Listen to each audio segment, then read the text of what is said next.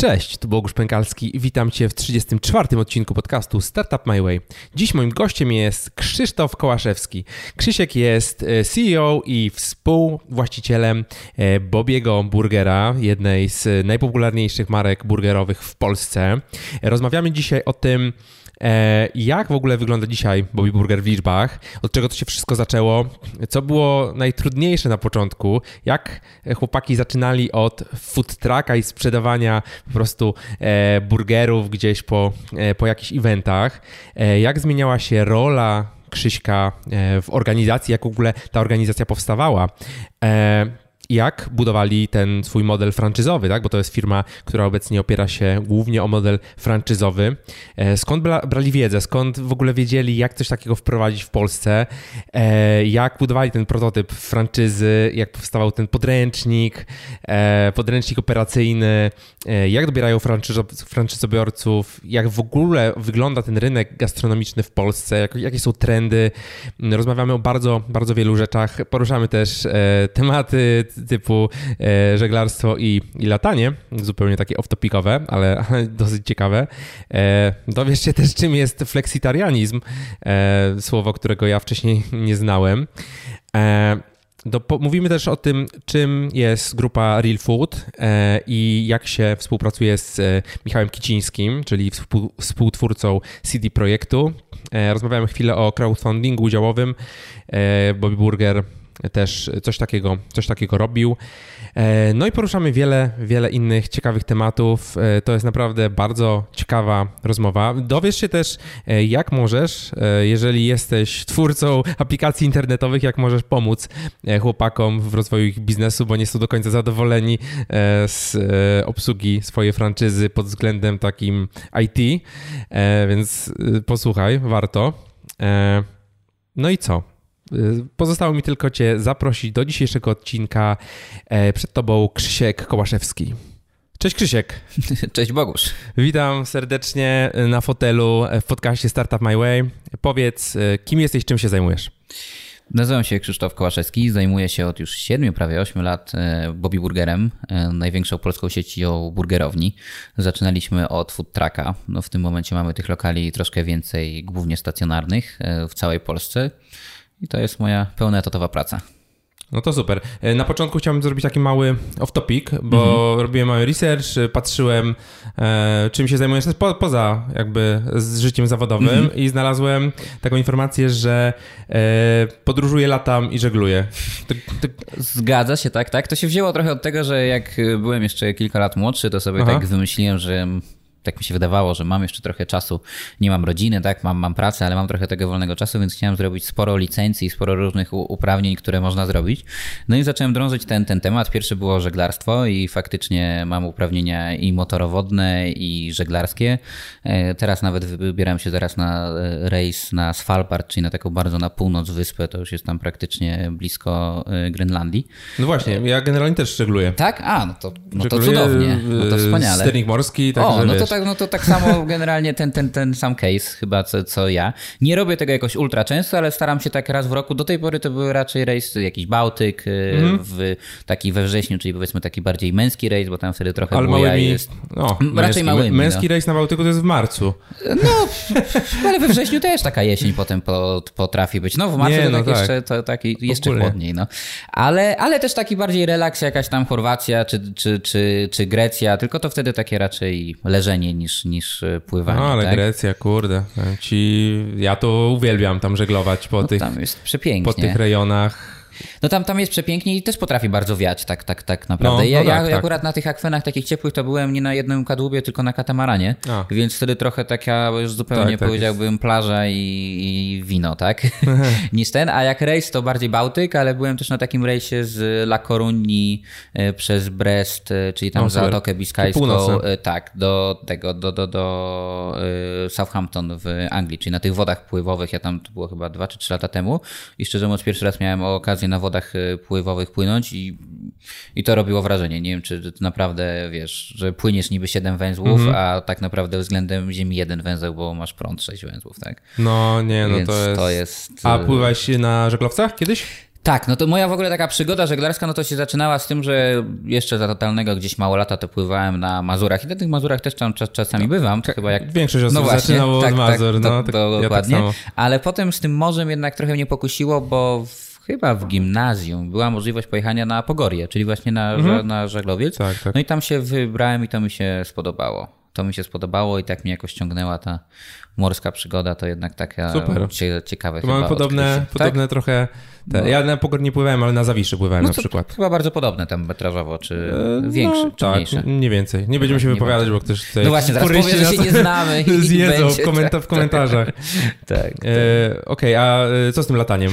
Z lataniem. No więc potem, tak jak było to żeglarstwo, no to szukałem czegoś dalej i, i faktycznie zrobiłem licencję PPL, czyli Private Pilot License, e, na awionetki takie jednosilnikowe.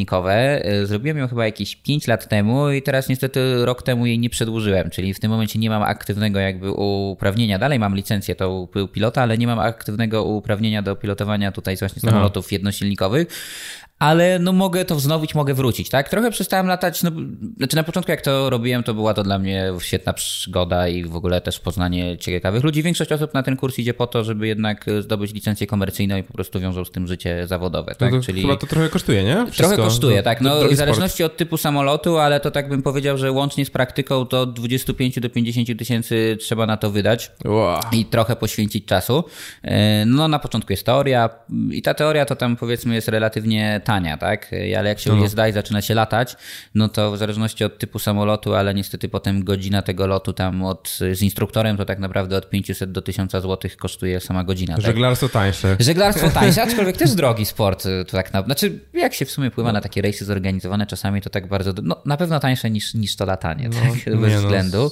Yy, ale to latanie... Ale żeglowałem z pilotami też. Tak? No, no bo jakoś często się to często łączy, się tak, tak, widzę. No bo tak naprawdę, wiesz, żegluga powietrzna, tak? To, mhm. to same te podstawy, jakie się uczyłem tej, tej teorii, tam jest wiele tak. rzeczy, które trochę przypomina to żeglarstwo, jakieś takie nawigowanie, wiadomo, że teraz są, są GPS-y, są glass cockpity, wszystko jest jakby, no tak. robi za nas elektronika, ale uczy się też tych podstaw, gdzie normalnie są radiolatarnie, nawet nazewnictwo jest czasami właśnie takie podobne. Masz na podobne. wodzie, masz latarnie, na, które wysyłają ci sygnał świetlny, a na ziemi masz radiolatarnie, które wysyłają ci sygnał jakby taki radiowy i urządzenie w samolocie potrafi je odczytać i jesteś w stanie sobie określić, na jak, jakim właśnie kursie się zbliżasz do tej radiolatarni, więc to no. jest y, całkiem podobne. Ja pewnie kiedyś do tego wrócę, ale też się trochę wystraszyłem, bo takim raz, kolega spadł i... No mniej więcej, żebyś no. wiedział. Znaczy może nie kolega, ale taka, taka sytuacja, że te licencje przedłuża się w cyklach dwuletnich. Czyli Aha. jak uzyskujesz uprawnienie, to masz dwa lata to uprawnienie i potem trzeba odbyć egzamin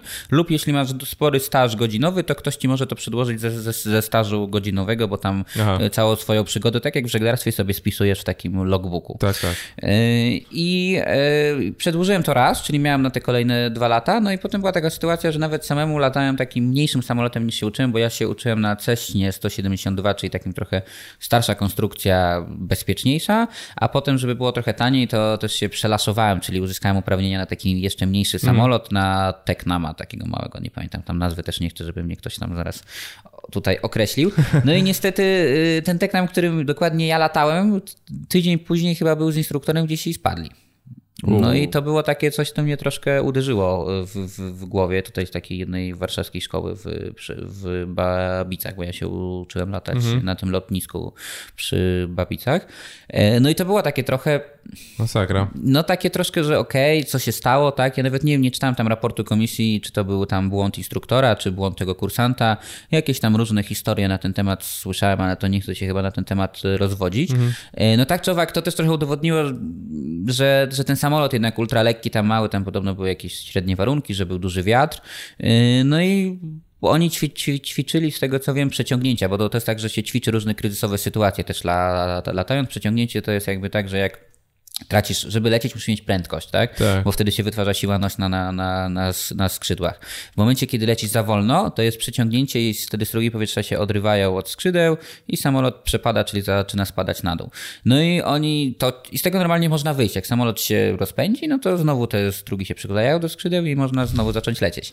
Ale y, może się wydarzyć tak, że samolot wpada w korkociąg. Jak pada w korkociąg, wtedy ci nie działają stery i oni chyba wpadli w ten korkociąg po prostu no, spadli tak centralnie w ziemię, tak? Dwie osoby zginęły zginęły, więc wielka, wiel, wiel, wiel, wielka tragedia. Masakra. No i to mnie tak trochę ruszyło, że tak kurczę tak. To jest jednak sport ekstremalny. To prostu. jest jednak chyba sport ekstremalny, plus y, też się robi na przykład tutaj wokół Warszawy coraz tłoczniej na tym niebie.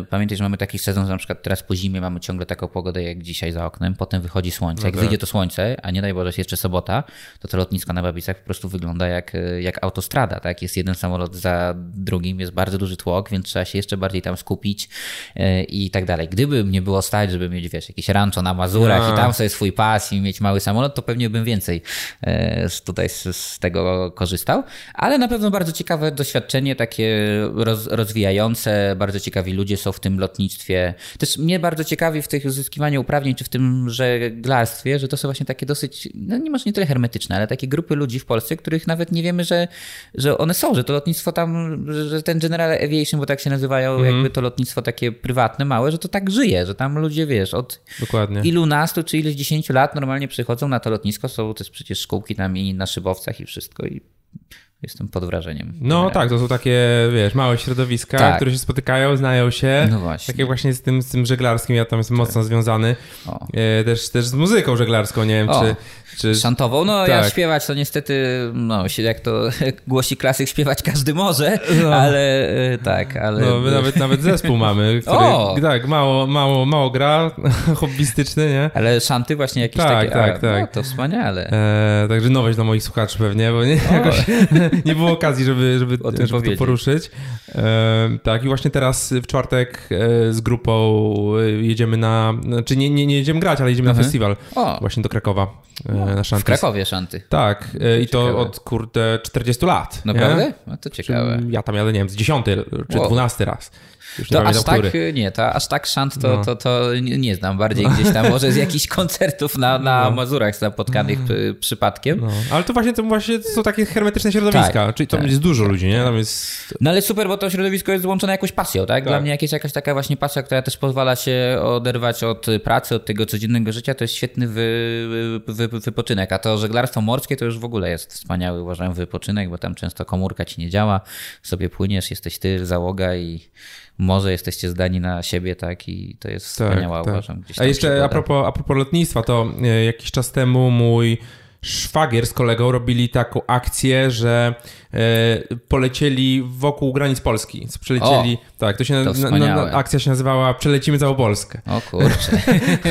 I, I Ale to, to, to, to no, wspaniała historia. Tak, znaczy, tak. To mnie kiedyś strasznie ciągnęło, żeby spróbować zrobić coś takiego, bo mam też dwóch kolegów, którzy są normalnie pilotami rej, rej, rejsowymi, tak? Związali sobie tutaj swoją karierę zawodową z całą pasją, e, żeby zrobić taki wypad, tylko w Polsce nie do końca, ale może i by się dało, że nie do końca jest infrastruktura infrastruktura, w Stanach jest tego dużo. Są małe lotniska i normalnie możesz wziąć sobie namiot i masz taki kemping samolotem. No. Że na przykład sobie lecisz z Warszawy w Bieszczady, tam gdzieś na jakimś lotnisku sobie. No takie zwiedzanie właśnie Polski. No to tylko, oni właśnie coś, coś w tym no stylu. Coś w tym stylu. Wspaniała historia, niestety trzeba mieć spory portfel. Tak, i trochę czasu. I trochę chociaż, chociaż oni jakoś kurczę, no nawet sobie jakoś poradzili, a obaj chyba byli wtedy na studiach.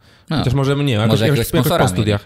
No wiesz, tak, tak, oni, no. oni robili jakąś akcję, że zbierali po prostu kasę. Aha, jak, jak, na tą akcję jakiś, całą. Okay, okay, I na okay. przykład, nie wiem, dasz nam tyle, to ci wyślemy pocztówkę, nie wiem, z każdego miejsca, dasz nam tyle. Im się to udało, ci... no to to tak, tak.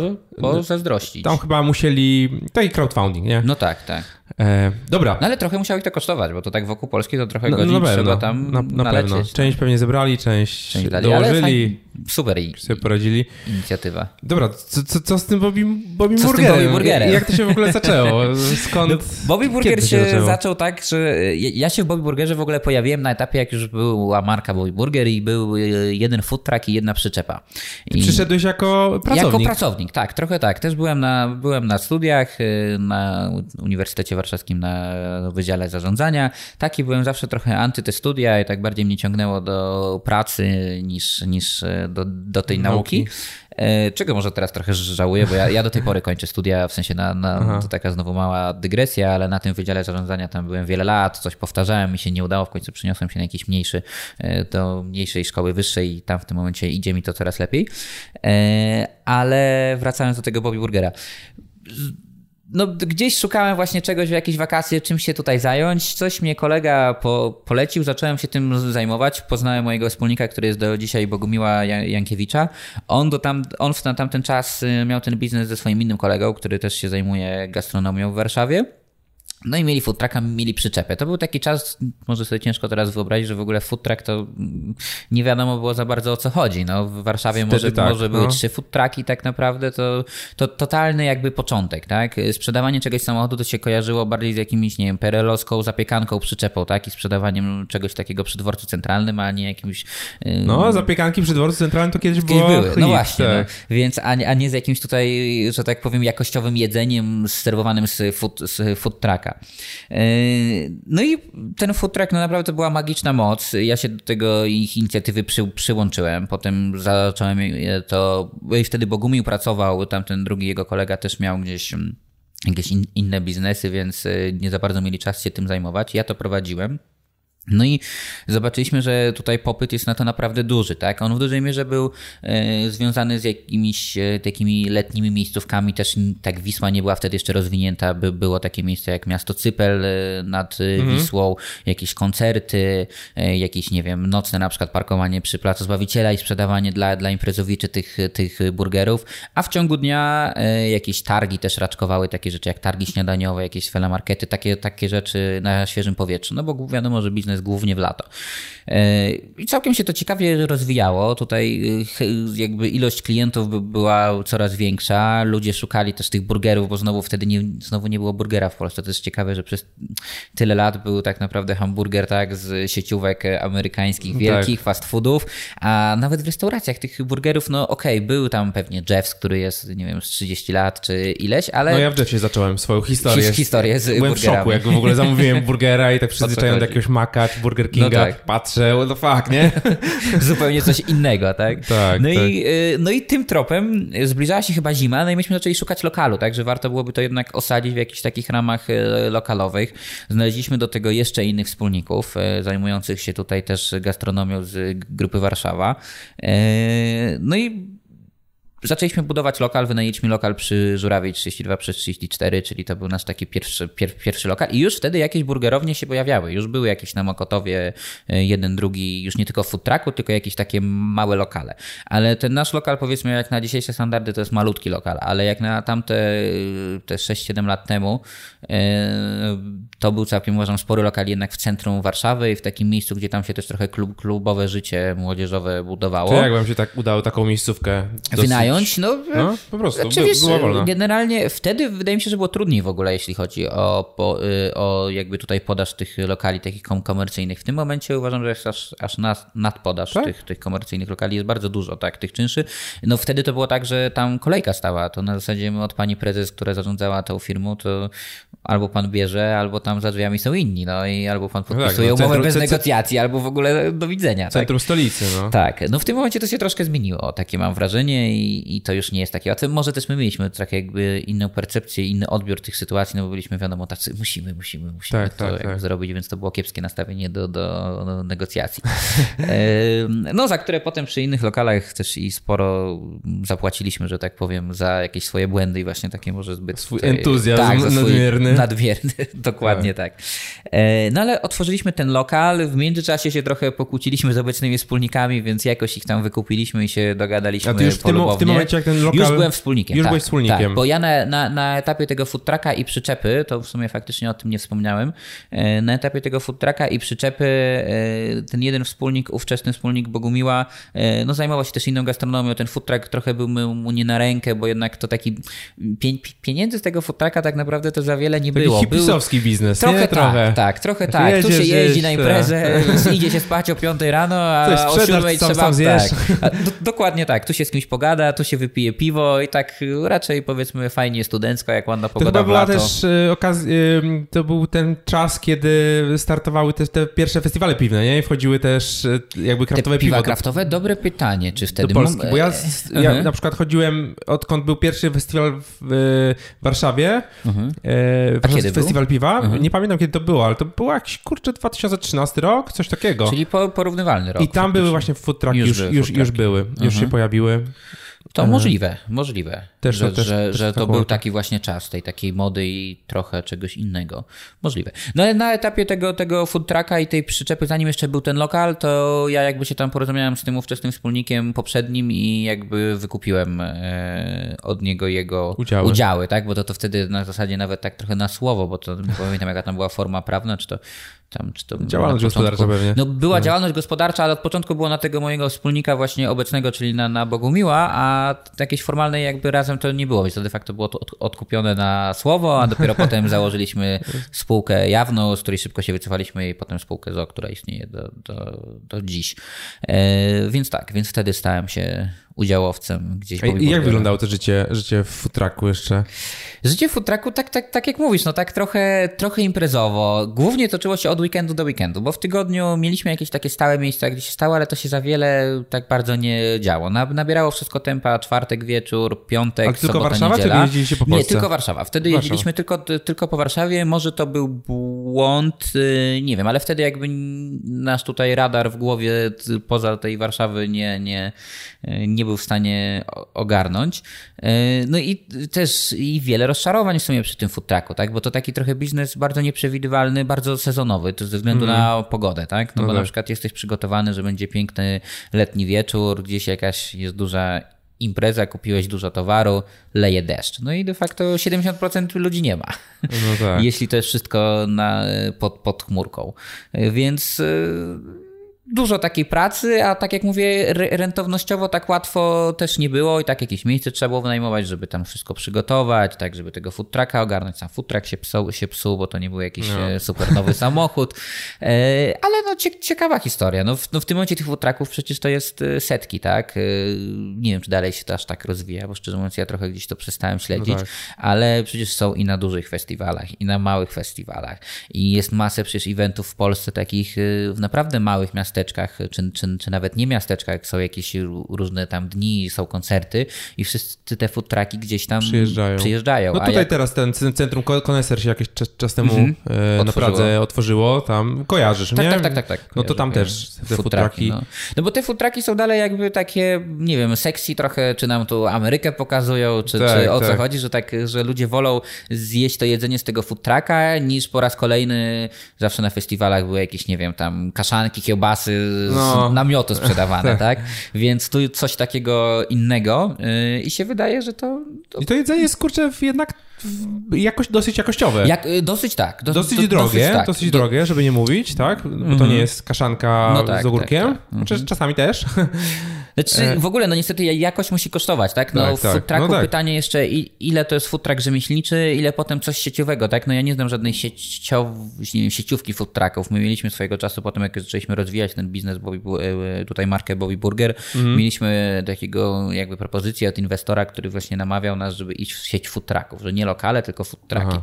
I w sumie za, za, założenie było słuszne, bo on wyobrażał i przedstawiał taką wizję, że food truck daje nam tą mobilność, czyli rano jak ktoś nawet nie tyle rano, ale powiedzmy wychodzi ktoś na lunch o 12-13, to jesteśmy pod jego biurem. Ale w momencie, kiedy on o 18 kończy pracę, to jesteśmy tam, gdzie idzie ze znajomymi, więc można tego food trucka przemieszczać. No tak. I faktycznie to jest ciekawe, tylko niestety chyba tutaj pogoda w Polsce, ten okres letni jest zbyt krótki, a w zimę nikt nie chce nam, znaczy w tym roku nie było w sumie zimy i nie było mrozu w no. Warszawie, tak, ale yy, i tak mało kto chce, jak pada deszcz, yy, na dworzu jeść yy, tutaj tak. tą, tą, tak, tą, tą, tą kanapkę, no więc myśmy jednak poszli w kierunku tych lokali, bo lokal też jest sezonowy, też bardzo zależy od pogody, ale jednak to jest stabilniejsze, tak? No teraz w zimę to wiesz, yy, nawet taką jak, jak teraz jest, nie dość, że leje, to jeszcze smog, tak? Ludzie nie chcą wychodzić. No właśnie, no. no co dopiero Albo jeść, do galerii handlowych, tak? E, e, no prędzej. E, ewentualnie chodzą, no. Prędzej, prędzej. Ale to, to, co było takiego, co cię przekonało, żeby te udziały kupić?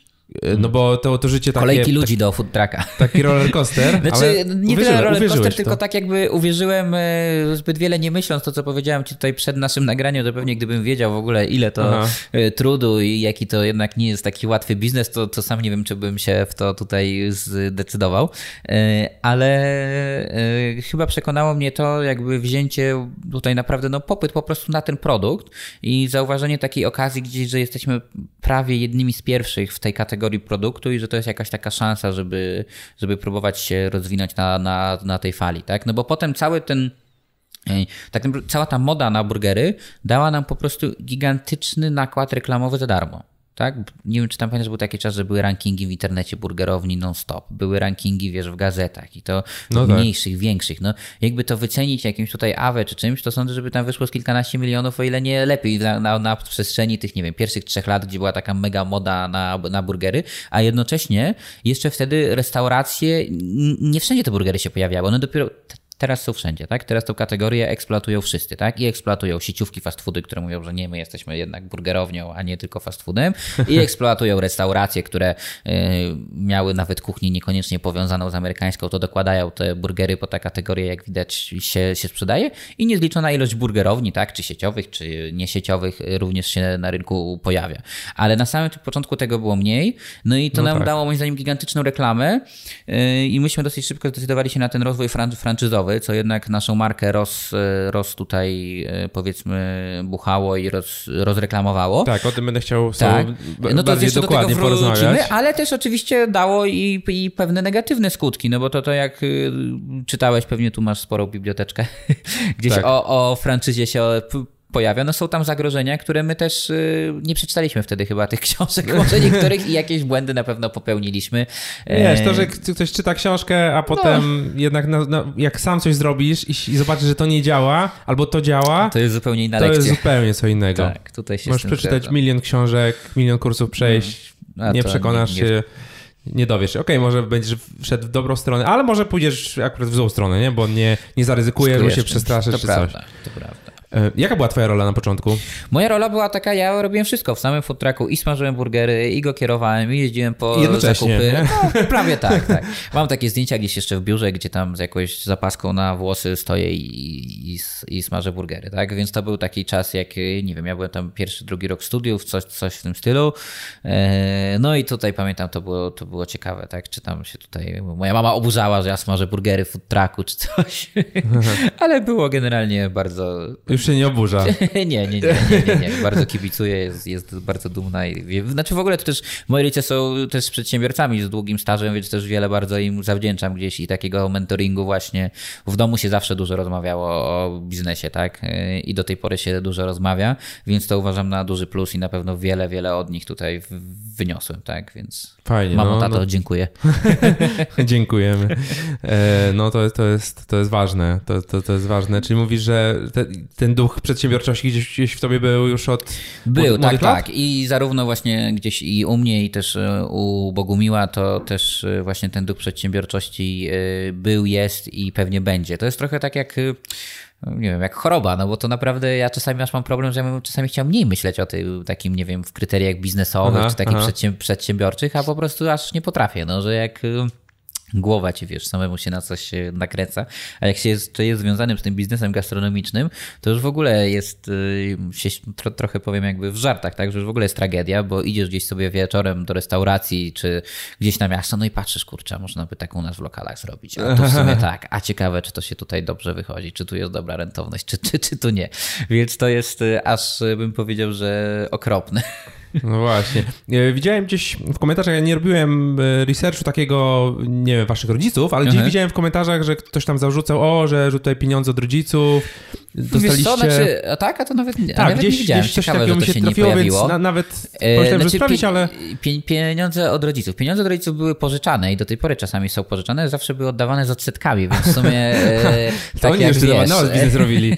Jeszcze raz? Jeszcze, no, oni na was biznes no, zrobili. Znaczy, no, uczciwie, wiesz, i rodzice Bogumiła, tak, i moi prowadzą firmy, tak, mm. więc e, no wiadomo, że jak jest tam no jakiś tak. pieniądz i jest on, mają nadwyżkę finansową, którą mogą pożyczyć, no to też no, chcą na tym jakoś gdzieś zarabiać, tak, więc Pewnie. od początku, tak żeby pomyśleć, czy pieniądze od rodziców jakiekolwiek tak były dane, że tak powiem bezzwrotnie, to chyba dane nigdy nie były. No na pewno była duża pomoc. Ja, ja na samym początku w ogóle jak kupowałem te udziały, to i trochę pożyczyłem z banku i trochę pożyczyłem od mojego młodszego brata, który jakoś podkładał chyba z kieszonkowego, a to były relatywnie małe tam jakieś kwoty, więc e, to się udało tutaj złożyć. Potem faktycznie gdzieś, e, może wtedy faktycznie mi rodzice coś tam pomogli przy przejmowaniu tych e, dalszych gdzieś tam udziałów od tego poprzedniego wspólnika. Ale to na bardzo początkowym gdzieś etapie jest naprawdę jakimiś tam w miarę małymi kwotami takimi, które na pewno jest każdy w stanie zdobyć, nie wiem, w banku, tak, jeśli ma jakąkolwiek pracę, jak, jakikolwiek dochód. A potem oczywiście, że pożyczaliśmy od, od rodziców pieniądze, tak, w sensie nie my nawet, tylko Bobby Burger, spółka ZO jako, jako Bobby tak, Burger. Tak.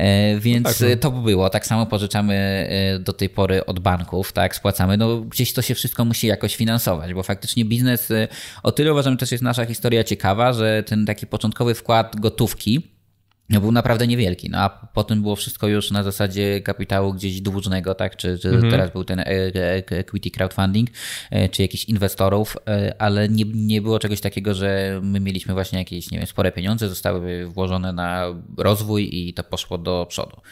I gdyby właśnie też dlatego, że nie było tego kapitału, to poszliśmy w tą, w tą franczyzę, tak? No bo ta franczyza jest takim modelem, gdzie niekoniecznie potrzebujesz du dużo kapitału, tylko potrzebujesz swoje know-how i wtedy był, teraz franczyza w ogóle zmieniła się przez te 5-6 lat nie do poznania. Ten rynek się trochę nasycił. To wtedy myśmy mieli naprawdę setki zapytań o, o tą franczyzę taką i idealnie w nasz koncept, czyli właśnie w takich pieniądzach, ile my pokazywaliśmy, że trzeba zainwestować, no to było bardzo duże wzięcie. W tym momencie to się trochę zmieniło.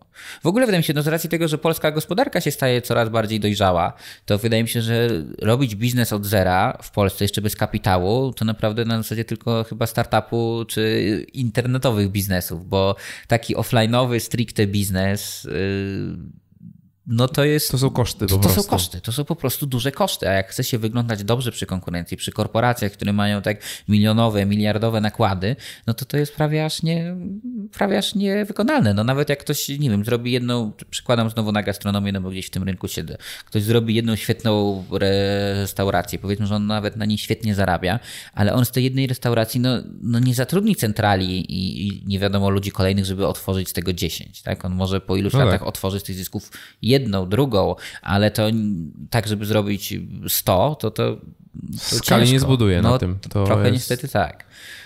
E, Okej, okay, czyli otworzyliście ten lokal na, na Żurawiej e, i i, I co było dalej? Który to był? To był, to to był 2000... 2013 chyba, bo sam food truck jest z 2012, a chyba na wiosnę 2013 otworzyliśmy ten lokal na Żurawiej. I wtedy food truck już odszedł? E, nie, i wtedy food truck właśnie, między innymi trochę ten lokal był sfinansowany z tego, że mieliśmy takiego gdzieś e, znajomego, który przejął od tego naszego food trucka na takiej powiedzmy pierwszej umowie franczyzy. Czyli trochę... Jakie są koszty wynajmu takiego lokalu w centrum Warszawy? Wtedy. Pewnie się zmieniło to. Umowa jest do tej pory cały czas, więc ona tam jest tylko waloryzowana gdzieś rocznie zgodnie z jakimś wskaźnikiem e, inflacji, e, ale e, no, to są takie koszty w lokal w centrum Warszawy, to powiedzmy nie licząc, nie wiem, Nowego Światu, czy tam gdzieś jakichś takich ulic Najdroższych głównych, ulic najdroższych, no to, to, to, to, to trzeba liczyć gdzieś od 100 do 200 zł z metra. Tak? Tak bym powiedział, że, że to trzeba liczyć i to się dalej chyba ta cena wydaje mi się, że się trzyma, bo w ogóle wtedy to była, to uważam, górka trochę, jeśli chodzi o tutaj te lokale. Yy, Ile taki lokal ma? Ze 100 metrów mniej więcej, czy więcej? Nawet mniej. On ma chyba 70 czy tam 80. No więc jak prosto czyli policzysz, czyli razy... 10, 15 tysięcy No, bardziej tak 15, złotych, tak? 15. No bo tam mhm. powiedzmy, że mamy tą górne bardziej widełki niż te, niż, no niż, tak. niż te niższe, tak? Y, ta umowa też była przed, przedłużana. Y, no w zależności też, jak większy lokal, to trochę niższa mhm. stawka z metra, tak? Jak mniejszy lokal, no to wyższa stawka z metra, no. Z drugiej strony w, ga w galeriach handlowych no jest, jest raczej drożej, tak?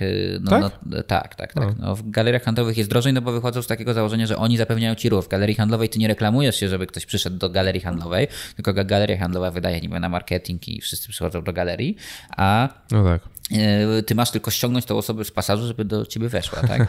E, no myśmy poszli w galerie handlowe, bo trochę tych punktów ostatnio otworzyliśmy i dalej otwieramy, głównie dlatego, że te lokale na ulicy, tak jak na przykład ten lokal na Żurawie z ogródkiem dużym, one mają dużą sezonowość na korzyść lata.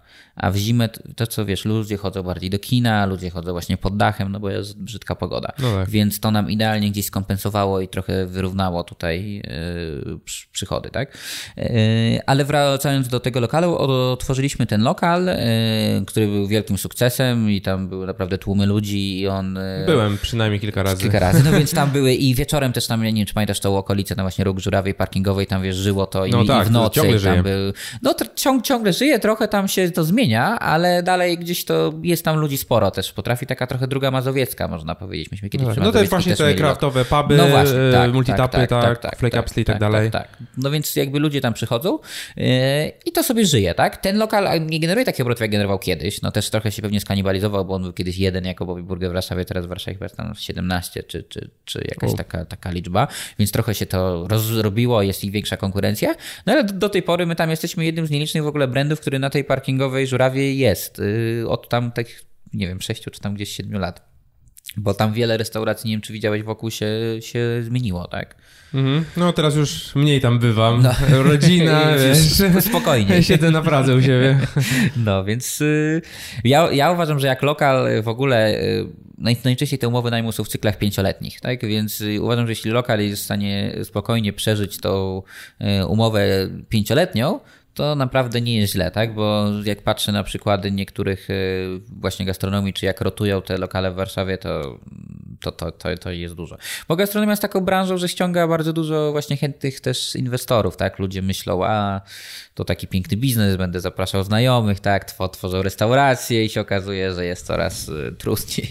Tak, no właśnie. E, właśnie chciałem zapytać o to wcześniej. Jak dzisiaj wygląda e, Bobby Burger w liczbach? Bobby Burger w liczbach. Dobra, Bobby Burger w liczbach wygląda tak, że na koniec zeszłego Żebyśmy roku... mieli, wiesz, perspektywę, tak, tak, tak. o czym my w ogóle mówimy, nie? Na koniec zeszłego roku było 45 punktów, plus y, w naszej grupie jeszcze jest Wegeguru, czyli wegańska mhm. restauracja, która tutaj łącznie z, z, jakby jak nasz spar y, Michał Kiciński y, to wtedy również dołączył do naszej grupy Wegeguru, więc 45 punktów było, tak. W sumie za zeszły rok razem z Wegeguru, czyli cała grupa pod marką, to był przychód rzędu 46 milionów e, we wszystkich burgerach. Jakby za taką kwotę były sprzedane bur burgery i Łącznie cała grupa. Łącznie tak? cała grupa, czyli również przychody też mhm. tych franczyzowych punktów, tak? E, przychody naszych spółek, czyli tutaj tych wewnętrznych, to było e, rzędu 20 chyba 5 netto. To wiem, jakby coś, coś, coś, coś takiego. Jeśli w liczbach, to ostatnio taką liczbę gdzieś ciekawo poznałem, to się chyba przełożyło na jakieś milion 700 burgerów, coś, coś takiego. Bo gdzieś tak akurat mi się tam z systemu e, pojawiło w oparciu, jak coś tam liczyliśmy sprzedaży bułek. To po tych bułkach łatwo zobaczyłem, jaka to była I właśnie. Co, co po tej żurawej było? Burgerów. Co po tej żurawej było? Po tej żurawej była kolejny jakiś mały też punkt nasz e, własny, ale ten system franczyzowy. Tutaj Bogumił, już wtedy, tak? Tak, już, już wtedy. Skąd, skąd pomysł? Bogumił pracował, e, miał u swoich rodziców, swojej drogą pracował, gdzie właśnie ten system taki agencyjno-franczyzowy bardzo dobrze się, się sprawdził, więc y, mieliśmy gdzieś polecenie do y, firmy, która pomogła nam opracować, stricte doradców, tak, którzy pomogli opracować gdzieś nas, nam ten system franczyzowy. Opracowali nam w jakimś mniejszym lub większym stopniu ten system franczyzowy i my wiele nie myśląc y, porwaliśmy się trochę z motyką na słońce, ruszyliśmy na rynek i z tym systemem. Okazało się, że na tyle właśnie wtedy dziura w tym rynku, marka była na tyle pożądana, że bardzo wiele osób się zdecydowało z nami na tą franczyzę. Y, większość jest z nami do dziś, ale czy część też nie ma, tak? Część punktów zostało przejętych, część punktów się też gdzieś zamknęło w naszej historii. My jednocześnie też y, pomyśleliśmy, że otwierały się takie pojedyncze burgerownie w różnych mniejszych, dziwnych miejscach, że zaproponujemy im, żeby się dołączyli do naszego systemu. Mhm. I tak z jedną czy dwa punkty się udało gdzieś nawet nie tyle chyba. Nie, potem pojechaliśmy do naszego drugiego punktu przy Woronicza. Taki bardzo mały punkt, ale już też jest y, wielkości dosłownie chyba tego pokoju. E, pojechaliśmy, żeby zaproponować burgerownię, a się okazało, że tej burgerowni, która tam była, już nie ma i stoi sam tylko lokal do mhm. wynajmu i wynajęliśmy ten lokal. I, no. i do tej pory gdzieś, gdzieś y, tam biznes jest przez nas y, prowadzony, tak? Więc. Czy ta franczyza weszła po tym pierwszym lokalu? Po tym pierwszym lokalu, tak. Już od razu. Tak, już po tym pierwszym lokalu, tak. I to już wtedy była praca Patrzyliście trochę, trochę na model e, McDonalda? E, no model Ray McDonalda Kroc, jest taki wiesz. już, znaczy to nam trochę Widziałeś ta, ta firma... Film w ogóle? E, widziałem, tak, tak, tak. Potem widziałem, ale film był potem znacznie, bo no, to był raptem dwa, potem, dwa tak. chyba lata temu, czy tam już dwa i pół może. E, więc... E, no też, znaczy wiedzieliśmy, że McDonald's działa w franczyzie, tak? Wiedzieliśmy, że nie mamy za bardzo pieniędzy na budowanie tych lokali, więc ta franczyza gdzieś się wydawała takim ciekawym pomysłem.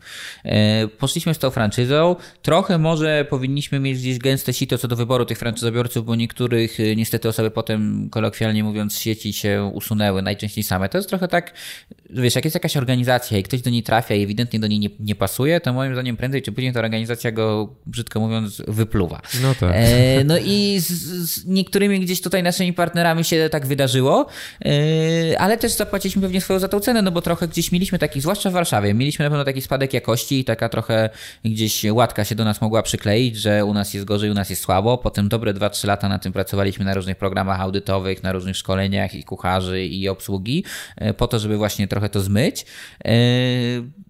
No i do tej pory żyjemy, funkcjonujemy i się rozwijamy, co jakby naj, najważniejsze, tak? W Warszawie mamy tych punktów najwięcej, ale w niektórych takich miastach gdzieś e, trochę mniejszych jak Warszawa tych punktów jest, jest mniej i też e, Warszawa też jest taka, takim miastem, że też mam wrażenie, jest chyba najtrudniej trochę ten biznes prowadzić, bo z jednej strony masz najwyższe, hmm. wiesz, stawki godzinowe, tak? Najwyższe czynsze. E, klient jest najbardziej wybredny, bo się bardzo dużo rzeczy otwiera, tak? No Więc tak. masz bardzo dużo nowości, a w Polsce lubi się bardzo nowości. Jak jest coś nowego, się idzie sprawdzić. Więc e, musisz być cały czas za tym podążać, o to się starać. E, a w niektórych miastach mam wrażenie, że ten klient jest taki bardziej stabilniejszy, że jak coś jest dobrego, to on się do, on się do tego przywiązuje. A w Warszawie cały czas się to, się to zmienia. No z jednej strony jest naj, najwyższa też siła nabywcza, tak? No nie ma takich miast, y, gdzie, gdzie tyle tych lokali pewnie mogłoby być. Co, co Wy jesteście największą marką burgerową w Polsce? No Czy burgerową chyba tak. No, to uważamy, nie że jesteśmy największą, tak. Uważa... Mnóstwo małych punktów różnych. No mnóstwo małych, nie? tak. Gonią nas niektóre sieci. Tutaj niektórzy też mają sporo pieniędzy na, na rozwój tych, tych sieci. Eee, nie, nie będę reklamować. Tam. No. Będziemy reklamować. E, no właśnie. Mm, okej, okay, a skąd, skąd braliście wiedzę? Mieliście takich doradców franczyzowych, tak? Tak, Którzy tak, wam, tak. wam to mocno byli doradcy finansowi, znaczy nie finansowi, tylko franczyzowi. Do tej pory ta tutaj firma e, funkcjonuje. E, organizują też targi w Pałacu Kultury. Jak się nazywają? Jeżeli... Profit System. Tu można ich zareklamować. A. To nie wiem, czy może gdzieś kojarzysz, czy, czy gdzieś nie mi kojarzysz. Chyba obiło no, Moni te targi do tej pory były. My w tym momencie w tych targach w Pałacu Kultury takich stacjonarnych się już nie wystawiamy, mhm. bo trochę też, trochę też wiesz, ludzie jak poszukują franczyzy, przyniosło się to sporo do, do internetu, tak? Oni mają też swoją gazetę, yy, doradzają, no i na pewno pomogli, gdzieś zasugerowali nam, no my byliśmy mówiąc zieloni na samym początku, tak? No w ogóle no mieliśmy jakiś pomysł na tą franczyzę, ale nie wiedzieliśmy z której strony to ugryźć, e, jak to zrobić. Oni nam dali jakieś takie ramy, pomogli opracować pierwszą umowę, jakiś tam spis, spis treści podręcznika operacyjnego, który myśmy wypełnili treścią. Potem oczywiście to jeszcze rotowało i ten model się trochę zmieniał do, do tego, który wypracowaliśmy sobie na dzień dzisiejszy. Ale główne założenia gdzieś pozostały te same, tak? No, w tym naszym rozwoju było też gdzieś ważne, że my już od tego food trucka tak naprawdę i na pewno tego pierwszego lokalu nie myśleliśmy do końca na to jak na restaurację, tylko myśleliśmy, że chcemy jednak brać to skalować, tak? Trochę z tym doświadczeniem właśnie rodzinnym myśleliśmy, że chcemy to rozwijać, tak, że w tym jest jednak większa siła. E, teraz w ogóle ja mam takie przemyślenia, że ta gastronomia w Polsce coraz bardziej się jeszcze konsoliduje i że raczej się powinny budować jakieś właśnie grupy takie finansowe, e, no bo moim zdaniem będzie tak, że albo będą restauracje jako restauratorzy, albo będą spore podmioty gastronomiczne takie sieciowe, tak? no, tak. którym właśnie, no wtedy jest trochę tych korzyści skali tam, tak? Się no tak, może mieć różne marki dla różnych grup odbiorców. To też tak, to też prawda, aczkolwiek y, i takie grupy tutaj, co po niektórzy budują na, na tym rynku gastronomicznym w Polsce, y, ale y, to też ja myślałem pierwotnie, że to jest więcej synergii z innymi markami, a jednak jest tak, że dla każdej marki musisz wiesz, prowadzić oddzielną komunikację, aha, oddzielne aha. receptury, ale na pewno i tak y, trochę to pomaga. No jest, jest zaplecze ludzi, którym, z którymi możesz współpracować co do jakby tutaj różnych zmian, czy co do nawet funkcjonowania tych y, lokali, no bo to jest wbrew pozorom całkiem spore przedsięwzięcie, żeby codziennie te 45 lokali się otworzyło, tak? Tam w sumie dla marki pracuje, ostatnio chyba liczyliśmy w granicach 400 osób. No to to już jakieś trochę jest, żeby wszyscy, wiesz, żeby wszyscy przyszli, no tak. żeby wszystko było w porządku, lepiej lub gorzej, no ale to już jakoś musi wszystko funkcjonować. Wspomniałeś o tym, że e, jakby każda franczyza ma coś takiego mm -hmm. właśnie jak taki podręcznik operacyjny, operacyjny taki manual. Tak, tak, tak. E, jak taki manual wygląda? To jest taka wielka to księga? To jest taka księga i ona kiedyś była papierowa, w tym momencie jest już e, chyba tylko internetowa e, i po, po, po, po prostu jest jakiś szyfrowany portal, portal, na który można się zalogować i, i ją przeglądać. Aha, aha. I ja mam cały czas nawet takie poczucie, że, że, że my czasami za mało korzystamy z tego podręcznika, że chcemy właśnie w idealnym świecie bym chciał, żeby każdy każdy franczyzobiorca, jak ma jakieś pytanie czy jakąś zagwozdkę, żeby najpierw przeczytał ten podręcznik, a, a, potem, e, żeby dopiero dzwonił do centrali, czy na przykład do kogoś z operacji się pytał, jak coś zrobić. To też e, wynika trochę wiesz, z siły marki, tak? Jak jesteś powiedzmy, nie wiem, Subwayem, który jest największą siecią franczyzową pod, pod kątem ilości punktów mhm. na świecie, no to tam po prostu nie ma zmiłu. Jak chcesz otworzyć tą sieć, to masz polecieć do Stanów, siedzieć dwa tygodnie się nauczyć i napisać pisemny egzamin i jak nie zdasz, to po prostu ci nie pozwolą tego otworzyć, tak? Jak jesteś trochę mniejszą siecią, no to musisz być bardziej elastyczny dla tych franczyzobiorców. Więc y, czasami przymykasz oko niestety na jakieś rzeczy, że na przykład właśnie tutaj ten inwestor, który zainwestował, to on tak naprawdę nie chce zajmować się tym punktem, tylko ma menadżera czy coś. Teraz zasady takich osób już raczej nie chcemy przyjmować, bo to też widzimy, że y, no tak jak było też w tym w filmie o McDonaldzie, tak? No tam no najważniejsze jest zarządzanie tymi punktami, tak? To ja, myśmy widzieli tak Ten lider. Y, ten, nie? tak, ten lider i to, żeby ten punkt po prostu do, dobrze działał, żeby był dobrze zachowany. My dajemy jakby półprodukty do zrobienia finalnego produktu, tak? Więc ja mogę odpowiadać za jakość tych półproduktów, ale jak będzie finalnie ten burger zrobiony, jak będzie wysmażony, czy będzie wszystko w porządku zrobione, no to też odpowiada ta osoba na miejscu. Więc to jest niezwykle ważne, żeby tam było wszystko na najwyższym poziomie i yy, franczyza jest generalnie dobrym systemem do tego. Jeśli jest dobry franczyzobiorca, to naprawdę i franczyzobiorca jest w stanie zarabiać świetne pieniądze i franczyzodawca jest w stanie bardzo uczciwie zarabiać. Ale są też takie przykłady, no, gdzie, to, gdzie to nie wychodziło, tak? A są też takie przykłady, że były błędne założenia, czyli lokal był, nie wiem, w złym miejscu, był za mały, był, był, był, za, był za duży, tak? Więc y, no, ja widziałem różne historie. Widziałem lokale, które mają spadki po 30%, a widziałem lokale, które mają wzrosty po 50 i nawet więcej procent, tak? Więc y, i nie ukrywam, że w dużej mierze to zależy właśnie od tego zarządzania, tak?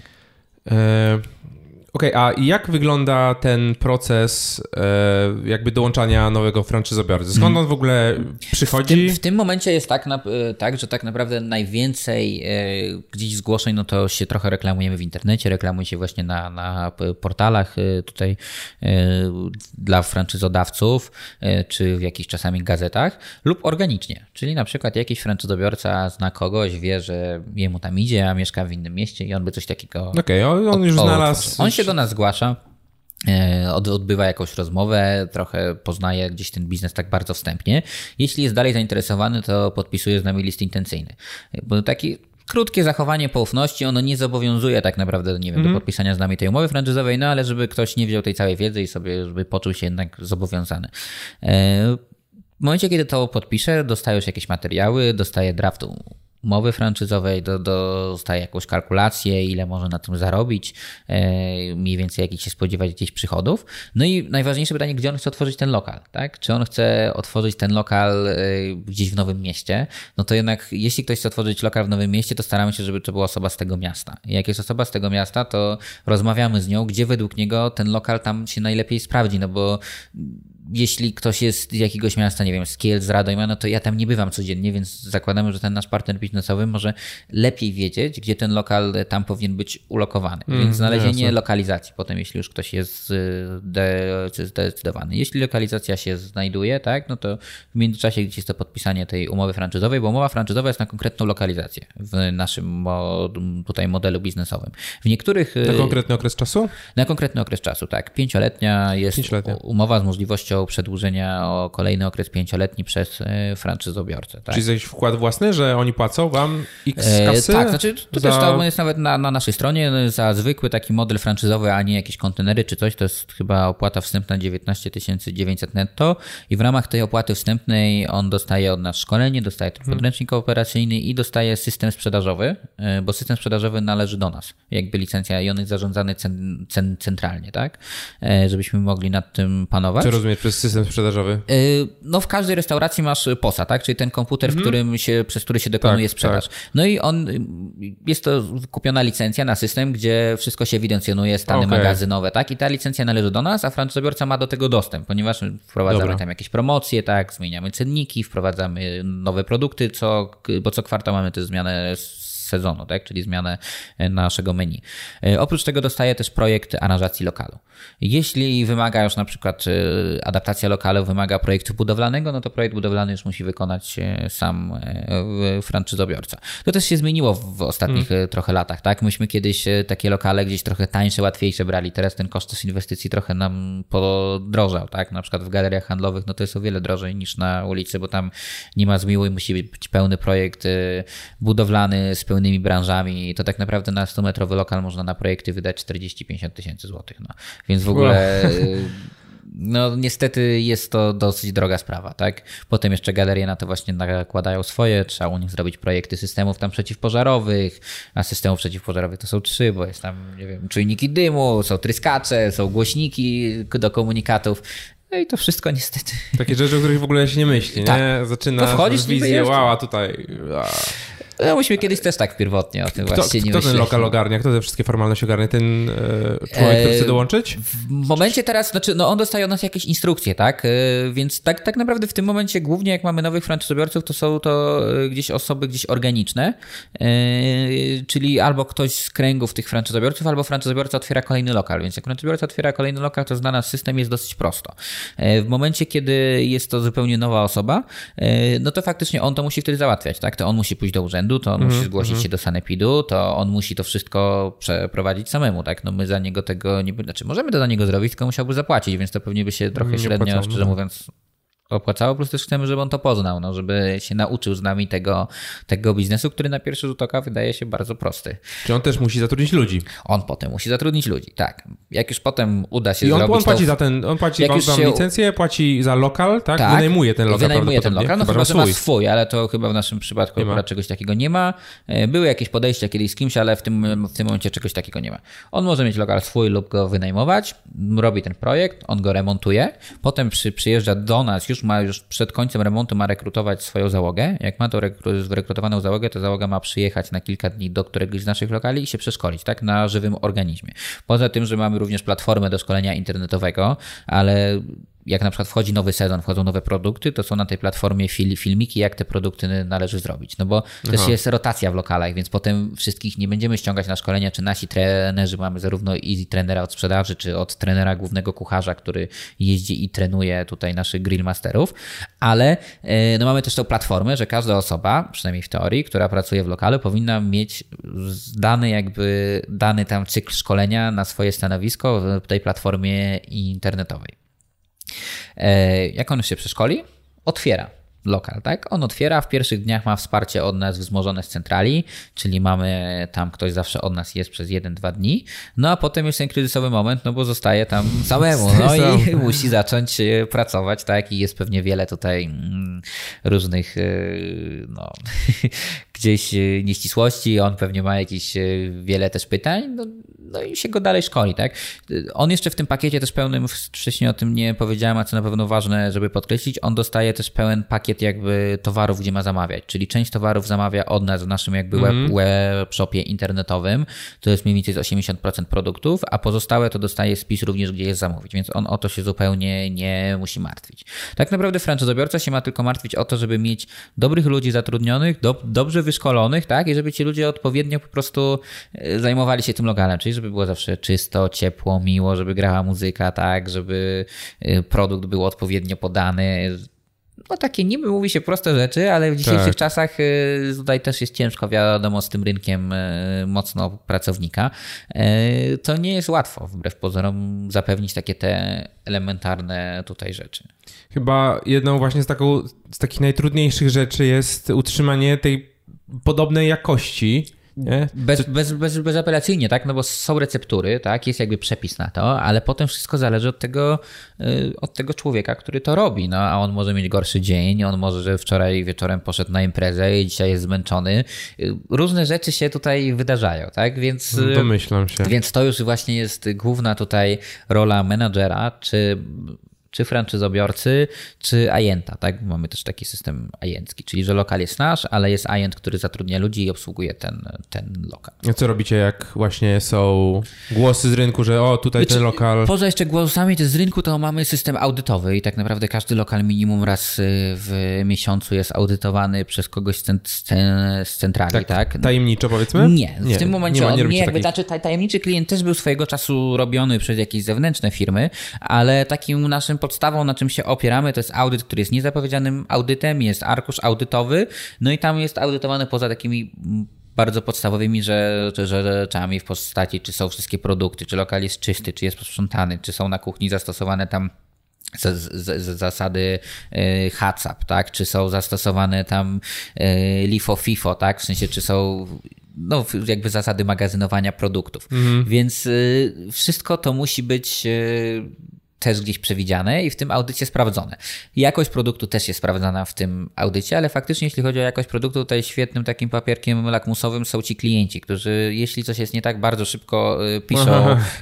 Czy w komentarzach, czy tak. piszą w opinii, czy teraz tam są recenzje na, na Facebooku, tak? No oni szybko dają znać, że coś jest nie tak. No i wtedy są dwie drogi, no trzeba Albo my zawsze staramy się, mimo to, że są jakieś tam mechanizmy karania tych franczyzobiorców, no to staramy się jednak ich nie karać. Nawet jak już w ostateczności ktoś jest trudniej reformowalny i są kolejne skargi i się nic nie poprawia, no to... Kolejny burger bez mięsa mi dali. No, może bez przesady, tak, ale na przykład możesz mieć wysuszone mięso, tak, no, bo było zbyt długo tak, smażone tak. na grillu, co totalnie psuje smak tego, te, te, te, tego, tego burgera.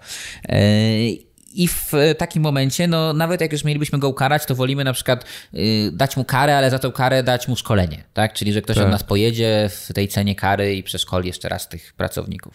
No i potem po dłuższym okresie czasu, dłuższym, czyli mam na myśli nie wiem, 6-12 miesięcy, tak?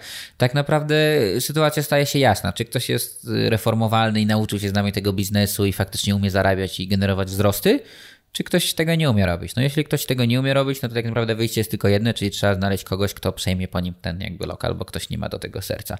No to jest najczęściej tak, że jak komuś nie idzie, to ktoś potem chce się pozbyć tego lokalu, no bo no, tak. no nikt nie chce się na siłę męczyć, tak? Wiadomo, no przetestował, nie, nie, nie poszło. Nie wyszło, on nie chce się tym zajmować. Też y, ludzie też mają różne oczekiwania, tak? I ja w ogóle od jakiegoś czasu i to dobrych pewnie, nie wiem, trzech lat. Nie jesz burgerów pod... w ogóle. Nie, burgery to jem. nie, burgerów to jem nawet całkiem. Znaczy, kiedyś jadłem więcej, ale nie? teraz jednak dalej, no, no. no jem tak raz na tydzień, raz, raz na dwa tygodnie. Gdzieś tam może czasami walczę z dietą. Nie, nie, nie, u konkurencji nie. staram się. Nie. nie. Raczej nie. E, I, i, I o czym mówiłem? Mówiłem o. O czym bo mnie No, że jak. Tego... E, A, jak ktoś jest mocno już tak, jakby tak. Nie, niereformowalny, e, no to staramy się znaleźć kogoś, kto przejmie po nim ten mhm. biznes, tak? I mamy tutaj kilka takich fajnych przykładów, że lokal, który radził sobie średnio, został przejęty przez kogoś, kto się nim zajął i radzi sobie o wiele, wiele lepiej. Tak, więc to też. Macie jakieś takie perełki, takie lokale, które po prostu mamy, mamy. są zarządzane przez. Mamy, mamy, mamy. Nie, no ma, mamy kilku. Chwalą. Mamy, tak, tak. mamy to pewnie można gdzieś tam e, poszukać, e, czy, czy w jakichś tutaj informacjach, nie wiem, prasowych, czy gdzieś czasami w tych gazetach też o, o franczyzie były wywiady z naszymi gdzieś franczyzobiorcami, więc mamy kilku takich e, graczy, którzy naprawdę, a że zrobili świetną robotę dla nas, to zrobili też świetną robotę dla swojego portfela, no bo mamy mamy naprawdę kilku takich franczyzobiorców, którzy zarabiają na tym, uważam, bardzo dobre pieniądze, tak? I jak ktoś już to prowadzi do, dobre, nie wiem, tam 4 czy 5 lat, no to już Zdążyło mu się to zwrócić i to kilkakrotnie i też te umowy są gdzieś przedłużane, więc naprawdę kilka osób to zrobiło z nami. Są A są tacy ludzie, którzy mają już i kilka? Tak, tak, tak. No, nie, to, absolutnie. To, to mamy kilku franczyzobiorców, którzy mają dwa, trzy, nawet lokale, czy, czy nawet ktoś chyba cztery. Więc y, bezapelacyjnie okay. są takie tutaj modele. Też y, patrzymy różnie, to bywa też za dużo tych lokali, potem to też trzeba uważać, czy ktoś, naprawdę ktoś musi do tego dojrzeć, tak? Jak ktoś za dużo tworzył szybko, to potem długo trwało, żeby to opanował. Też, mhm. wiesz, ludzie mają różne zdolności, tak? No niektórzy franczyzobiorcy bardziej są, powiedzmy, biznesmenami i potrafią znaleźć osobę, która tym będzie zarządzać, a niektórzy są tacy, którzy sami są w stanie tym zarządzać, ale to też człowiek ma ograniczoną gdzieś tam ilość tych roboczych godzin w ciągu dnia, tak? No więc tak, więcej tak. tam jednoosobowo, no to więcej niż dwa, trzy lokale, to nie jesteś w stanie tego poprowadzić, jeśli to są lokale takie, w których się sporo dzieje.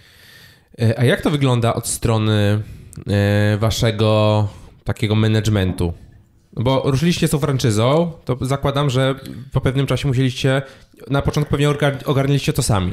Tak, no to znaczy pierwszą osobą taką, jeśli tutaj o to, o to pytasz, czyli o jakby nasze biuro i o taką mhm. za, za, załogę naszą w biurze, to na samym początku zatrudniliśmy, powiedzmy, chyba tytuł to był stanowiska asystentka zarządu albo coś w tym stylu, taką tak. osobę, która powiedzmy pomagała nam ze, ze wszystkim, tak? Czyli tak. gdzieś i trochę odbierać dokumenty z lokali, gdzieś kontaktować się z, właśnie z tymi francuzobiorcami, łać, no taki to, totalny jakby yy, miks. Teraz jest wirtualna asystentka, bardzo, Wiem, bardzo są takie, tak. Pozdrawiam, pozdrawiam Maję, moją tak, asystentkę. Masz wirtualną. tak. Bogumił wiem, że to testował kiedyś przez, tak. przez, przez moment. No ale u nas w biurze niestety no wirtualnie... No tak, offline'owy biznes to musi no, być jest sporo w ogóle, to też y, ten biznes jest potem taki jakoś sieciowy, on jest obciążony właśnie sporą ilością pracy takiej, trzeba odebrać dokumenty od menadżerów, wiesz, rozliczyć, sprawdzić, mm, czy w kasie mm. nic nie zginęło, sprawdzić raporty fizycznych takich y, czynności, y, żeby po prostu posprawdzać, czy wszędzie te złotówki się mniej więcej zgadzają, czy one gdzieś tam nie uciekły, bo to jest taki biznes, który jest narażony na różne też malwersacje, tak, to, ze strony... To, to, czekaj, przerwę ci tylko, to pewnie macie właśnie jakiś taki globalny CRM, nie? Do mhm. zarządzania mhm. tym wszystkim. No. Jesteście zadowoleni? Jak nie, to albo ja, albo któryś mhm. słuchaczy, wiesz, zaraz zacznie znaczy, robić wiesz, generalnie nie, jeśli, jeśli, ktoś ma e, jakiś fajny CRM do zarządzania w ogóle na przykład franczyzą, czy, czy czymś takim, to z miłą chęcią poznam, bo my w tym momencie mamy system, wysz, wysz, wyszliśmy od systemu sprzedażowego, czyli mamy z, z, pakowany system sprzedażowy, ale on też taki, nie to jest... taki old school, nie? Pewnie.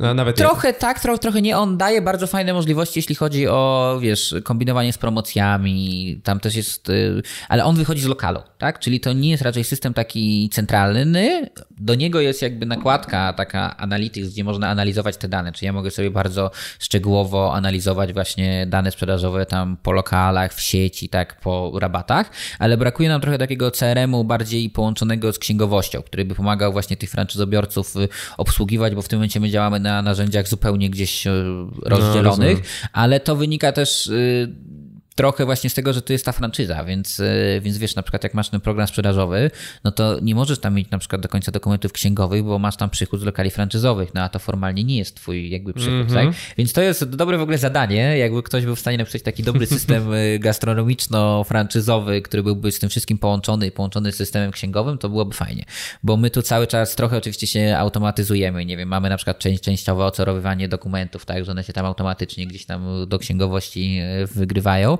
ale wiele rzeczy mogłoby być jeszcze na pewno usprawnionych i to są zadania gdzieś tu na najbliższe tak naprawdę lata dla nas, żeby troszkę przejść e, z tymi rzeczami do przodu. E, no bo to wszystko idzie do przodu. Tak samo teraz stoimy tutaj Dokładnie. przed dużym pytaniem. E, nie mamy jeszcze na przykład kiosków automatycznych. Mieliśmy już mieć niby w grudniu w niektórych lokalach, gdzieś testowo w kilku na początku, bo to jest dosyć drogie rozwiązanie. Takie jak znasz pewnie z fast foodów, tak? Kioski, że w stoi sensie, duży że, ekran okay, i że tak, tak jak w McDonaldzie tak, teraz tak, wszędzie tak, jest to. Tak, więc jakby chcieli chcieliśmy coś takiego też wprowadzić i możemy to wprowadzić, to oczywiście swoje kosztuje.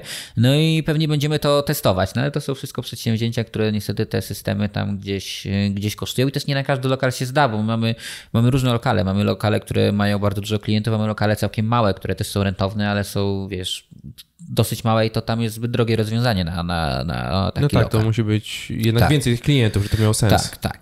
Ale tutaj e, w systemach tych e, to jest uważam, Jest coś do zrobienia. To jest coś do zrobienia zdecydowanie, bo ja nam już... się marzy, wiesz, takie połączenie tego wszystkiego. Myśl, tylko z naszych gdzieś e, niestety takich wstępnych researchy, które się odbywają tak naprawdę gdzieś pewnie co roku od ładnych kilku lat takie mamy zwarcie, że czegoś szukamy i myślimy, no to, że trzeba szyć jakieś, wiesz, rozwiązania na miarę, wprowadzać, to jest strasznie drogie, tak? No jeśli tak, chce się tak, rozmawiać tak, o jakichś tak. takich systemach od, global, od globalnych graczy, które są do ciebie dostosowywane, to są koszmarnie po prostu drogie systemy, tak? E, ale no może może, może kiedyś, coś zadziałamy. Może no, kiedyś, ja mam no. ca całą grupę bardzo zdolnych e, no. twórców, którzy, którzy chętnie, chętnie podejmą jakiegoś wyzwania. E, no właśnie, bo ja wymyśliłem już dla ciebie jedno rozwiązanie. Wspominałeś o tym e, podręczniku operacyjnym i że ci e, franczyzobiorcy nie zawsze tam zaglądają. Uh-huh. Jakby po prostu, wiesz, przepuścić to przez jakiś automat i on po prostu zadaje głosowo pytanie, dobra, jak zrobić to i to, bach. I i odpowiada mu asystent. No, nie? Ciekawy pomysł. No, dobry pomysł, aż taki automatyczny. Tak, no ja zacząłem w tym roku korzystać bardziej z takiego właśnie voice'a tak zwanego, no, z asystenta Google. No i wiesz, no już nie klikam w mapę, tylko mówię nawiguj do pracy tak? nie? i ciach. I już cię już go, gotowe. No, Albo nie wiem, zadzwoń do, do żony. no, ciekawe, ciekawe. No, może by było dobre. Że mam, mam problem tam z systemem, tak? Jakiś I ci pomysł. odpowiada, to w takim razie łączę z, z, z informatykiem albo coś w tym stylu. No, ciekawe. Dokładnie. E, Okej, okay, czyli asystentkę zatrudniliście? Tak, e, wracając do tego etapu, e, potem pojawiła się właśnie osoba trochę od rozwoju i od franczyzy która pomogła nam właśnie szukać, spotykać się z tymi franczyzobiorcami, taki powiedzmy general manager, myśmy to jakby nazywali. No, w ogóle w mniejszych firmach, e, takich stricte offline'owych, ciężko moim zdaniem jest nazywać te stanowiska, bo to jest największy właśnie, też największy problem potem, jak e, mieliśmy w naszej historii gdzieś osoby, które były, pracowały wcześniej w dużych organizacjach, właśnie jakichś mm. korporacjach, że w takiej mniejszej firmie ta osoba musi być od wszystkiego. W sensie tam, wiesz, ta, zakres kompetencji się tak po prostu rozmywa, że nie ma czegoś takiego jak w dużej korporacji, że ty masz stricte swoje pole. Jak chcesz sprawdzić coś, to piszesz do działu tam analiz, sprawdźcie mi coś, tu do tak, tego tak, tak. i tylko czekam i wiesz, i, wy, i wybieram, tak? Tylko tu niestety trzeba wiele rzeczy zrobić samemu, no tylko nawet jak się jest na powiedzmy wyższym stanowisku, to trzeba i tak samemu pójść do drukarni albo zamówić jakiś tam projekt u kogoś i ktoś to musi fizycznie wydrukować i, i przynieść, bo nie ma się tak. do tego, no, nie wiem, ag agencji wykonawczej. Tak? No właśnie właśnie. Te pierwsze więc, osoby muszą tak, być tymi generalistami tak zwanymi. Dokładnie tak? tak, więc to było na pewno jakimś tam problemem, ale...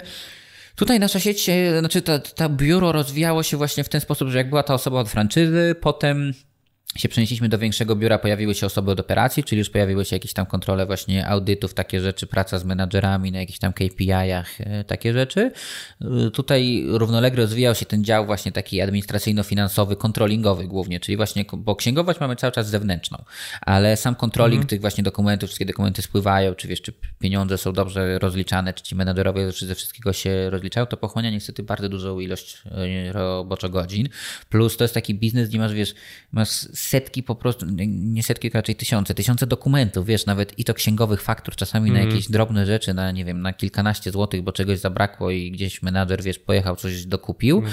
przez jakieś drob, drobne, wiesz, rzeczy, nie wiem, jakieś noty odsetkowe, ktoś zapomniał czegoś zapłacić, tu jakieś listy, no tony takich papierów, które trzeba obrobić, no skierować do odpowiedniej osoby, wprowadzić na konto do zapłaty, odesłać do, do księgowości, więc to jest do, dosyć spora tutaj buchalteria niestety tego jak to się dalej tam rozrastało. Potem pojawiły się osoby gdzieś od marketingu, które też e, przejęły gdzieś budowanie tego właśnie kwartalnego menu. Na początku mieliśmy to menu w cyklach sezonowych, że był co miesiąc e, burger miesiąca, potem jak się trochę sieć rozrosła i przeszliśmy jakby na taką kontraktację produktów e, i mamy zewnętrznego logistę, czyli mamy firmę, która dostarcza produkty do wszystkich naszych tych, do wszystkich naszych punktów, mhm. E, a my jakby tylko kontraktujemy te produkty od danego producenta i one są dostarczane na ten główny magazyn. No to przeszliśmy na jednak trzy miesięczne, na kwartalne takie menu, bo miesiąc to jest strasznie wbrew krótko, tak, tak, tak. No, to jak masz trzy restauracje, pięć, to możesz, wiesz, szybko powiedzieć, no to teraz będzie burger tam ze szparagami. A teraz ktoś raz na miesiąc zamawia, czy na dwa miesiące? To już to... trochę jest, jak trzeba to zakontraktować, pomyśleć, jakiś oszacować, jaka będzie tego sprzedaż, tak. No i Teraz już trochę jest praca inna, tak? No jest jakaś analiza tego sprzedaży, jest trochę badanie klientów, tak? Jest robienie czasami jakichś badań tutaj fokusowych, czy jakichś badań ilościowych, y, gdzie po prostu są ankiety, czy internetowe, czy, czy może teraz myślimy, czy nie zrobić w lokalach. Chcemy znowu zrobić właśnie jakieś takie tutaj sesje z badaniami jakościowymi w właśnie jakichś fokusach, tak? Czyli w największych miastach, gdzie jesteśmy za, zapraszać jakąś grupę naszych klientów, czy też nie klientów i y, ktoś sterowanie, wiesz, ich pyta, my siedzimy za szybą i słuchamy i myślimy, w czym powinniśmy być lepsi, w czym jest od nas lepsza konkurencja, w czym my jesteśmy lepsi, tak? No raz na jakiś czas takie rzeczy trzeba zrobić i na pewno największe sieci, e, no to to robią notorycznie, tak? Bo jak mm. popatrzysz sobie na sieci gdzieś e, pokroju właśnie McDonalda, to tam żadna reklama tam nic nie jest przypadkowe, tak? Tam każda reklama odpowiada na jakąś ich potrzebę. No, jak oni widzą, że w tym momencie na przykład trend burgerowy się rozwija, to robią sobie serię, e, tak jak widzisz, tą swoją burgerową, tak? Udającą burgery. Tak. Nie wiem, czy zauważyłeś, potem mam wrażenie, że im gdzieś w badaniach wyszło, że te burgery trochę słabną, przestali się w tym temacie reklamować, teraz znowu te burgery wróciły, jest ich po prostu wszędzie. Albo śniadania, nie? No, albo, albo śniadania, tak. tak. Albo rozrywka dla dzieci, albo tak. tam, na, no wszystko jest, oni teraz w ogóle wydają, sądzę, że to jest jeden z większych reklamodawców w Polsce, może być w ogóle w tym momencie McDonald's.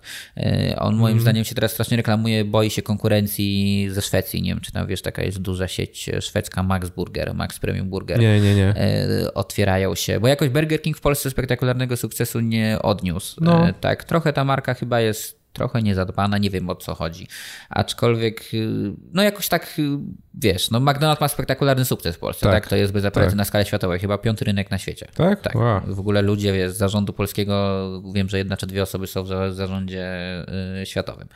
E, więc nice. przykład w ogóle, wiesz, rewelacyjnego w ogóle, oni są wych, wych, wychwalani, ale no widzą właśnie i na przykład ten Max Premium Burgers to jest ciekawa historia, bo to jest 30 lat temu, jak McDonald's wchodził do Szwecji, to ktoś zrobił McDonalda tylko po szwedzku, tak? I oni na tyle owładnęli ten rynek, że tam McDonald's nigdy się nie przebił tak wow. mocniej. Tam jest bardziej, ten Max jest bardziej, ma większy sukces niż McDonald's. No i wybrali sobie teraz Polskę, żeby tutaj walczyć, tak?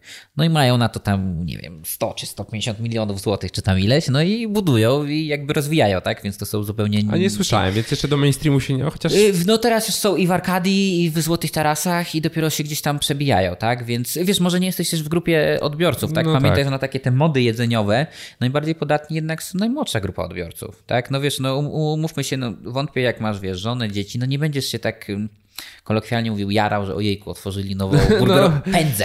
Dzisiaj zostawiasz wszystko, jedziesz tam, tak? tak. E, a jednak młodsi, młodsza grupa od, odbiorców, mówię takie, nie wiem, nawet 16, dodam, nie 24 czy, czy coś, no to lubią się tym, wiesz, podekscytować. Oni oczywiście wynajmują influencerów, tak? Kupują te media w tak, internecie tak. teraz na potęgę. E, no i no walczą, tak? No a McDonald's, żeby to walczyć z tego, że ma świetne zyski, no to ładuje jeszcze więcej pieniędzy w reklamę, tak? A my musimy działać inaczej, no mamy zupełnie inny model. Nasze restauracje są o wiele mniej obrotowe, tak? Y, nasze lokale, no to jest no zupełnie coś, coś innego, tak? mniejsza inwestycja, tak? No też musi być wtedy mniejszy przychód, no ale dajemy za to produkt o wiele większej, lepszej jakości i staramy się jednak dawać też to miejsce, jakąś atmosferę, jakiś klimat, tak? Y, żeby móc tam sobie usiąść, spędzić y, trochę czasu. No więc wszystko jest. Y, no rozumiem. Y, jeszcze takie pytanie dodatkowe a propos franczyzy. Mhm bo nie zapytałem. E, potem e, rozliczacie się, od, to jest procent od przychodu? To jest procent od przychodu, tak. To jest procent od przychodu i chyba wszystkie franczyzy na świecie jako podstawową opłatę. McDonald's tak samo, tak. Jakie to są mniej więcej? Kilka Standardowe procent? jest 8%. 8%. Ono jest do, do, ono jest do, do, do, do negocjacji. Mhm. Trochę wszystko zależy od lokalu, wiesz, od... E, potem jesteśmy też elastyczni, żeby ewentualnie coś obniżyć. No wszystko zależy też jak idzie punkt. Standardowo wychodzimy z takich, z takich tutaj, z takiej propozycji. Oczywiście wszyscy gdzieś tam negocjują. No tak no jak się popatrzy, pewnie niektóre polskie franczyzy są tańsze, y, ale niektóre też franczyzy zagraniczne, jak na przykład, no nie wiem, gdzieś Subway, czy to na pewno będzie droższe, tak, czy McDonald's będzie o wiele droższy, bo tam jest jeszcze więcej opłat, masz marketingowe za wynajem restauracji, bo McDonald's najczęściej ma też biznes nieruchomościowy, czyli jest właścicielem, no wiesz, właścicielem tego punktu, tak, i kupują punkt, a potem szukają kupują dopiero... punkt, a potem szukają niby franczyzobiorcy, ale tak naprawdę trochę operatora, no, który jeszcze kupi od nich wyposażenie i płaci procent za używanie restauracji oraz płaci również tam marketingowe i inne opłaty. Jak na Waszą sprzedaż wpłynęło e, popularyzacja tych serwisów do zamawiania jedzenia? Pizza no to portal, jest, pyszne. Tak, tak, tak. To tak jest dalej. takie bardzo częste pytanie, bo też na przykład in, inwestorzy gdzieś jak patrzą na ten rynek foodowy, to jejku delivery, delivery to jest po prostu delivery. booming business, o mój no, Boże, ja w zasadzie booming. tylko, ja w zasadzie tylko za, zamawiam. Nie, nie, mam czasu, no siedzę tutaj, wiesz. E, ja muszę ci przyznać, że też zamawiam, zamawiam na potęgę. No, w sensie zamawiam na potęgę z tych wszystkich różnych tutaj portali, czy Voltów, czy Uberów, czy, czy, czy jakichś różnych rzeczy. Też zamawiam na potęgę, no bo e, też jak, jak nie mam dzieci, nawet jak, nie wiem, jest, jesteśmy razem z moją dziewczyną wieczorem, czasami jest po prostu wygodniej coś, no chyba, że się chce gdzieś wyjść zjeść, ale to go, no tak. gotowanie to yy, ja czasami mówię, że to jest po prostu no, luksus albo roz, rozrywka, tak, że wiesz, forma spędzania czasu, a w normalnym takim zaganianym świecie, no to zamawiasz i jedzenie przy, przyjeżdża do ciebie, więc na pewno ten trend y, buduje nam gdzieś sprzedaż, on jest coraz bardziej zauważalny. Na samym początku tych dostaw było, już były portale, bo było Pizza Portal, y, Potem się pyszne bardzo mocno tak. przebiło, tak. ale w pierwszych gdzieś tam latach to były naprawdę małe procenty tej sprzedaży, teraz one trochę rosną, w zależności też który lokal, tak? Niektóre lokale naprawdę mają bardzo istotną część tortu z tej, z tej delivery, ale nie wszystkie. No my tak trochę mówię tutaj z taką dozą y, gdzieś dystansu, bo my o wiele bardziej wolimy tego klienta, który jest na miejscu, tak? A mhm, że produkt tak? Y, burgerowy jest trudno dowieść w dobrej jakości, tak? On, wiesz, paruje, tak, y, frytki robią się tak. miękkie, burger też może się rozjechać, więc zawsze to jest trochę już gorsza sprawa. Aczkolwiek, no, część klientów zdaje sobie z tego sprawę, jakby akceptuje, że no jak zamawiam jedzenie na dowóz, no to też akceptuje, że ono nie będzie tak, nawet jak zamawiam, nie wiem, pizzę na dowóz czy coś, no to akceptuje, że ona nie będzie, wiesz, tak gorąca jak ta, którą bym dostał w lokalu. Dokładnie. Chyba pizza, pizza jest chyba pizza najgorsza. W dostawie? W dostawie. Czy najlepsza? Najlepsza. Ty znaczy, mówisz, najlepsza. Znaczy nie, naj, najlepszy, jeśli miałbym powiedzieć tak z punktu widzenia, e, nie wiem, no, branży gastronomicznej, Aha. to najłatwiej dowodzić sushi. Tak. Zimne. Zgadzam się. Zimne, tak. Nie straci na jakości. Świetny rachunek, bo relatywnie drogie. Tak. tak. Więc nie ma problemu, żebyś w tym rachunku, wiesz, y, zapłacił kierowcę, no bo to jeszcze jest problem potem marżowy, że musisz y, z tej marży opłacić kierowcę. Niby coś bierzesz też od, y, od klienta, który to kupuje, ale ten kierowca jest coraz droższy. Więc sushi to jest chyba uważam numer jeden. Pizza uważam, że też jest dosyć dobrym produktem do dowożenia jednak, no bo ona jak jest ciepła, Jakieś takie też tajskie rzeczy są w miarę dobre, aczkolwiek często potrafią przyjechać. Nie wiem, jaki to jest twój, że tak powiem, e, odczucie jako klienta, jako konsumenta, że potrafi wiesz ci przyjechać coś zepsute, rozrzucone. Miałeś takie przypadki, czy? Mm, miałem, ale powiem ci, że nie. to się poprawiło teraz. Tak? Lepiej. Kiedyś było tak, że, że gdzieś kurier nie dojechał, że coś zgubił, mm -hmm. że ten E, że były jakieś problemy, że z, z, nie wiem, złego burgera przywiózł. Mhm. Teraz już w zasadzie już tego, mhm. E, tego Ale nie ma. Ale burgery też zamawiasz, tak? Mówisz? Burgery też zamawiam i tutaj, no. i tutaj właśnie mówię, że już i tam się nie jaram, że coś nowego, ale no. właśnie jak, jak coś nowego, jak burger się gdzieś, gdzieś pojawia, e, to, zama to zamawiam. Mhm. I tam jest w ogóle wielka premia w tych e, portalach. Jak debiutujesz na portalu, jesteś pozycjonowany wysoko tak. i to są już efekt nowości. Zawsze w pierwszych tygodniach jest tych dostaw o wiele, wiele więcej. Tak, i nawet newslettery lecą nowe w twojej okolicy. No tak, tak, tak. No więc nawet e, wiem, że niektórzy, wiesz, kreują już teraz, są też i wirtualne kuchnie, i wirtualne marki, tak? No przecież ja tam mogę wymyślić pięć marek i no prawie no tak. na tych samych zdjęciach, wiesz, zaproponować te same produkty i wiem, że niektórzy to robią i dla niektórych to jest w ogóle gdzieś e, tak naprawdę no, walka o przetrwanie z tych dostaw. Ja tak jak mówię, my zawsze trochę z dozą niepewności oczywiście korzystamy z tego, tak, rozwijamy, jesteśmy obecni na większości tych, tych e, portali. Nie, nie mamy swojego dowozu, przynajmniej w Warszawie. W niektórych miastach mamy swoich kurierów, mhm. ale w Warszawie akurat e, nie mamy, więc korzystamy czy właśnie tutaj z Ubera, czy tam z Glovo, czy z tych firm teraz Właśnie. Tyle. To, to Wiesz, w lokalu możesz wchodzi. mieć tam pięć lokalów, możesz mieć pięć tabletów w, lo, w, lokalu do zamówień, tak? Bo to są takie systemy, że Aha. one są rozdzielone. Też to jest akurat pomysł na aplikację, wiem, że ktoś nad tym pracował, nie wiem, czy to weszło. Jedną, która połączyłaby te pięć. Aha, żeby Wiesz, no bo masz pięciu tablet, dostawców w tym momencie. I... Znaczy pięć jakby, no bo współpracujesz jako restauracja. Tak, z tak, tak, tak naprawdę to, to by się opłaca współpracować z każdym. No, no tak, no tak. Dostajesz zamówienie, oni cię promują, ty gdzieś tam promujesz, tak? No to masz jeden tablet z Uber Eatsa, masz jakieś tam jedno urządzenie spyszne, masz jedno gdzieś tam na komputerze zalogowane właśnie jakieś Glovo. No bardzo jest tego dużo. E, pamiętajmy też właśnie o tym, co mówisz, że jak wchodzi takie Glovo, tak, no to Uber Eats reaguje, robi jakieś promocje, darmowe dostawy, no tak. wspomaga, no więc wydaje też w to pieniądze. No pamiętajmy, że Uber globalnie nic nie zarabia, tylko traci tam po kilka miliardów rocznie, więc no, no te pieniądze są po prostu wypychane w rynek, w klientów, no więc y, opłaca się oczywiście gdzieś z nimi współpracować, ale prowizje, które oni biorą są znaczne, więc tu trzeba bardzo dbać o marżę i to liczyć, no bo ja widziałem kilka restauracji, które jak, jako sam klient, tak, y, mhm zamawiam i widzę w jakiej to jest cenie, widzę co przyjeżdża w jakim opakowaniu i ja widzę, że moim zdaniem oni na tej dostawie to w ogóle dołożyli. Na samych już produktach i na samej prowizji, y, wiesz, na samym wacie, jak wszystko jest już tam jakby rozliczone, to widzę, że nie, nie mieli szans na tym zarobić, nie mówiąc o tym, że powinni z tego jeszcze odkładać na prąd, na pracownika, tak, na czynsz. Swoją mm. robotę lokal się zamknął po 6 miesiącach, więc chyba faktycznie y, ktoś tego gdzieś tam nie przeliczył. Y, ale oczywiście no, z dostaw korzystamy, no bo dostawy będą szły do przodu i tak jak mówię, ze strony inwestorów inwestorów jest tutaj duże bardzo zainteresowanie, że idźmy w te dostawy, idźmy w te dostawy, tak. Są przecież takie projekty samych Dark Kitchen, tak, że wiesz, masz kuchnię, że robią pod twoim brandem, robią jakby produkty. Że nie ma w ogóle... Że nie ma w ogóle lokalu, tak. tak tylko tak. dostawa. No tak. i tak też sklepy robią, na przykład jak masz Frisco, to nie mają sklepów, tak. tylko to jest, to jest, dostawa. dostawa no. Ja myślę, no, ten... Mi się wydaje, że też, y, też bardzo gdzieś istotnym kanałem czasami sprzedaży jest i mamy też swoją aplikację. Y, jest to rozwiązanie akurat kupione od kogoś, którego jesteśmy tak y, no, umiarkowanie zadowoleni. Mogło być trochę atrakcyjniej gra, graficznie, ale mamy te funkcjonalności, które chcieliśmy uzyskać, czyli przez aplikację możesz zamówić z dowozem, jeśli lokal oferuje do, dowóz mm. i to, w czym widzimy cały czas bardzo dużo gdzieś perspektywę i potencjał, to jest to, że z aplikacji zamawiam i odbieram w lokalu. Aha. Czyli nie chcesz, wiesz, tracić czasu, tracić tego, tak, że tak. przygotowanie tego burgera trochę trwa, ale powiedzmy pracuję w budynku obok, wiem, że idę na lunch albo wychodzę z pracy, zamawiasz z aplikacji, przychodzisz, odbierasz, zabierasz, tak? E, no bo też jak sporo ludzi, nie wiem, mieszka w centrum, pracuje, przemieszcza się komunikacją, no to łatwiej jest tylko wejść, odbierasz, zabierasz, zjesz sobie w domu, czy gdzieś nawet, nawet po drodze, tak?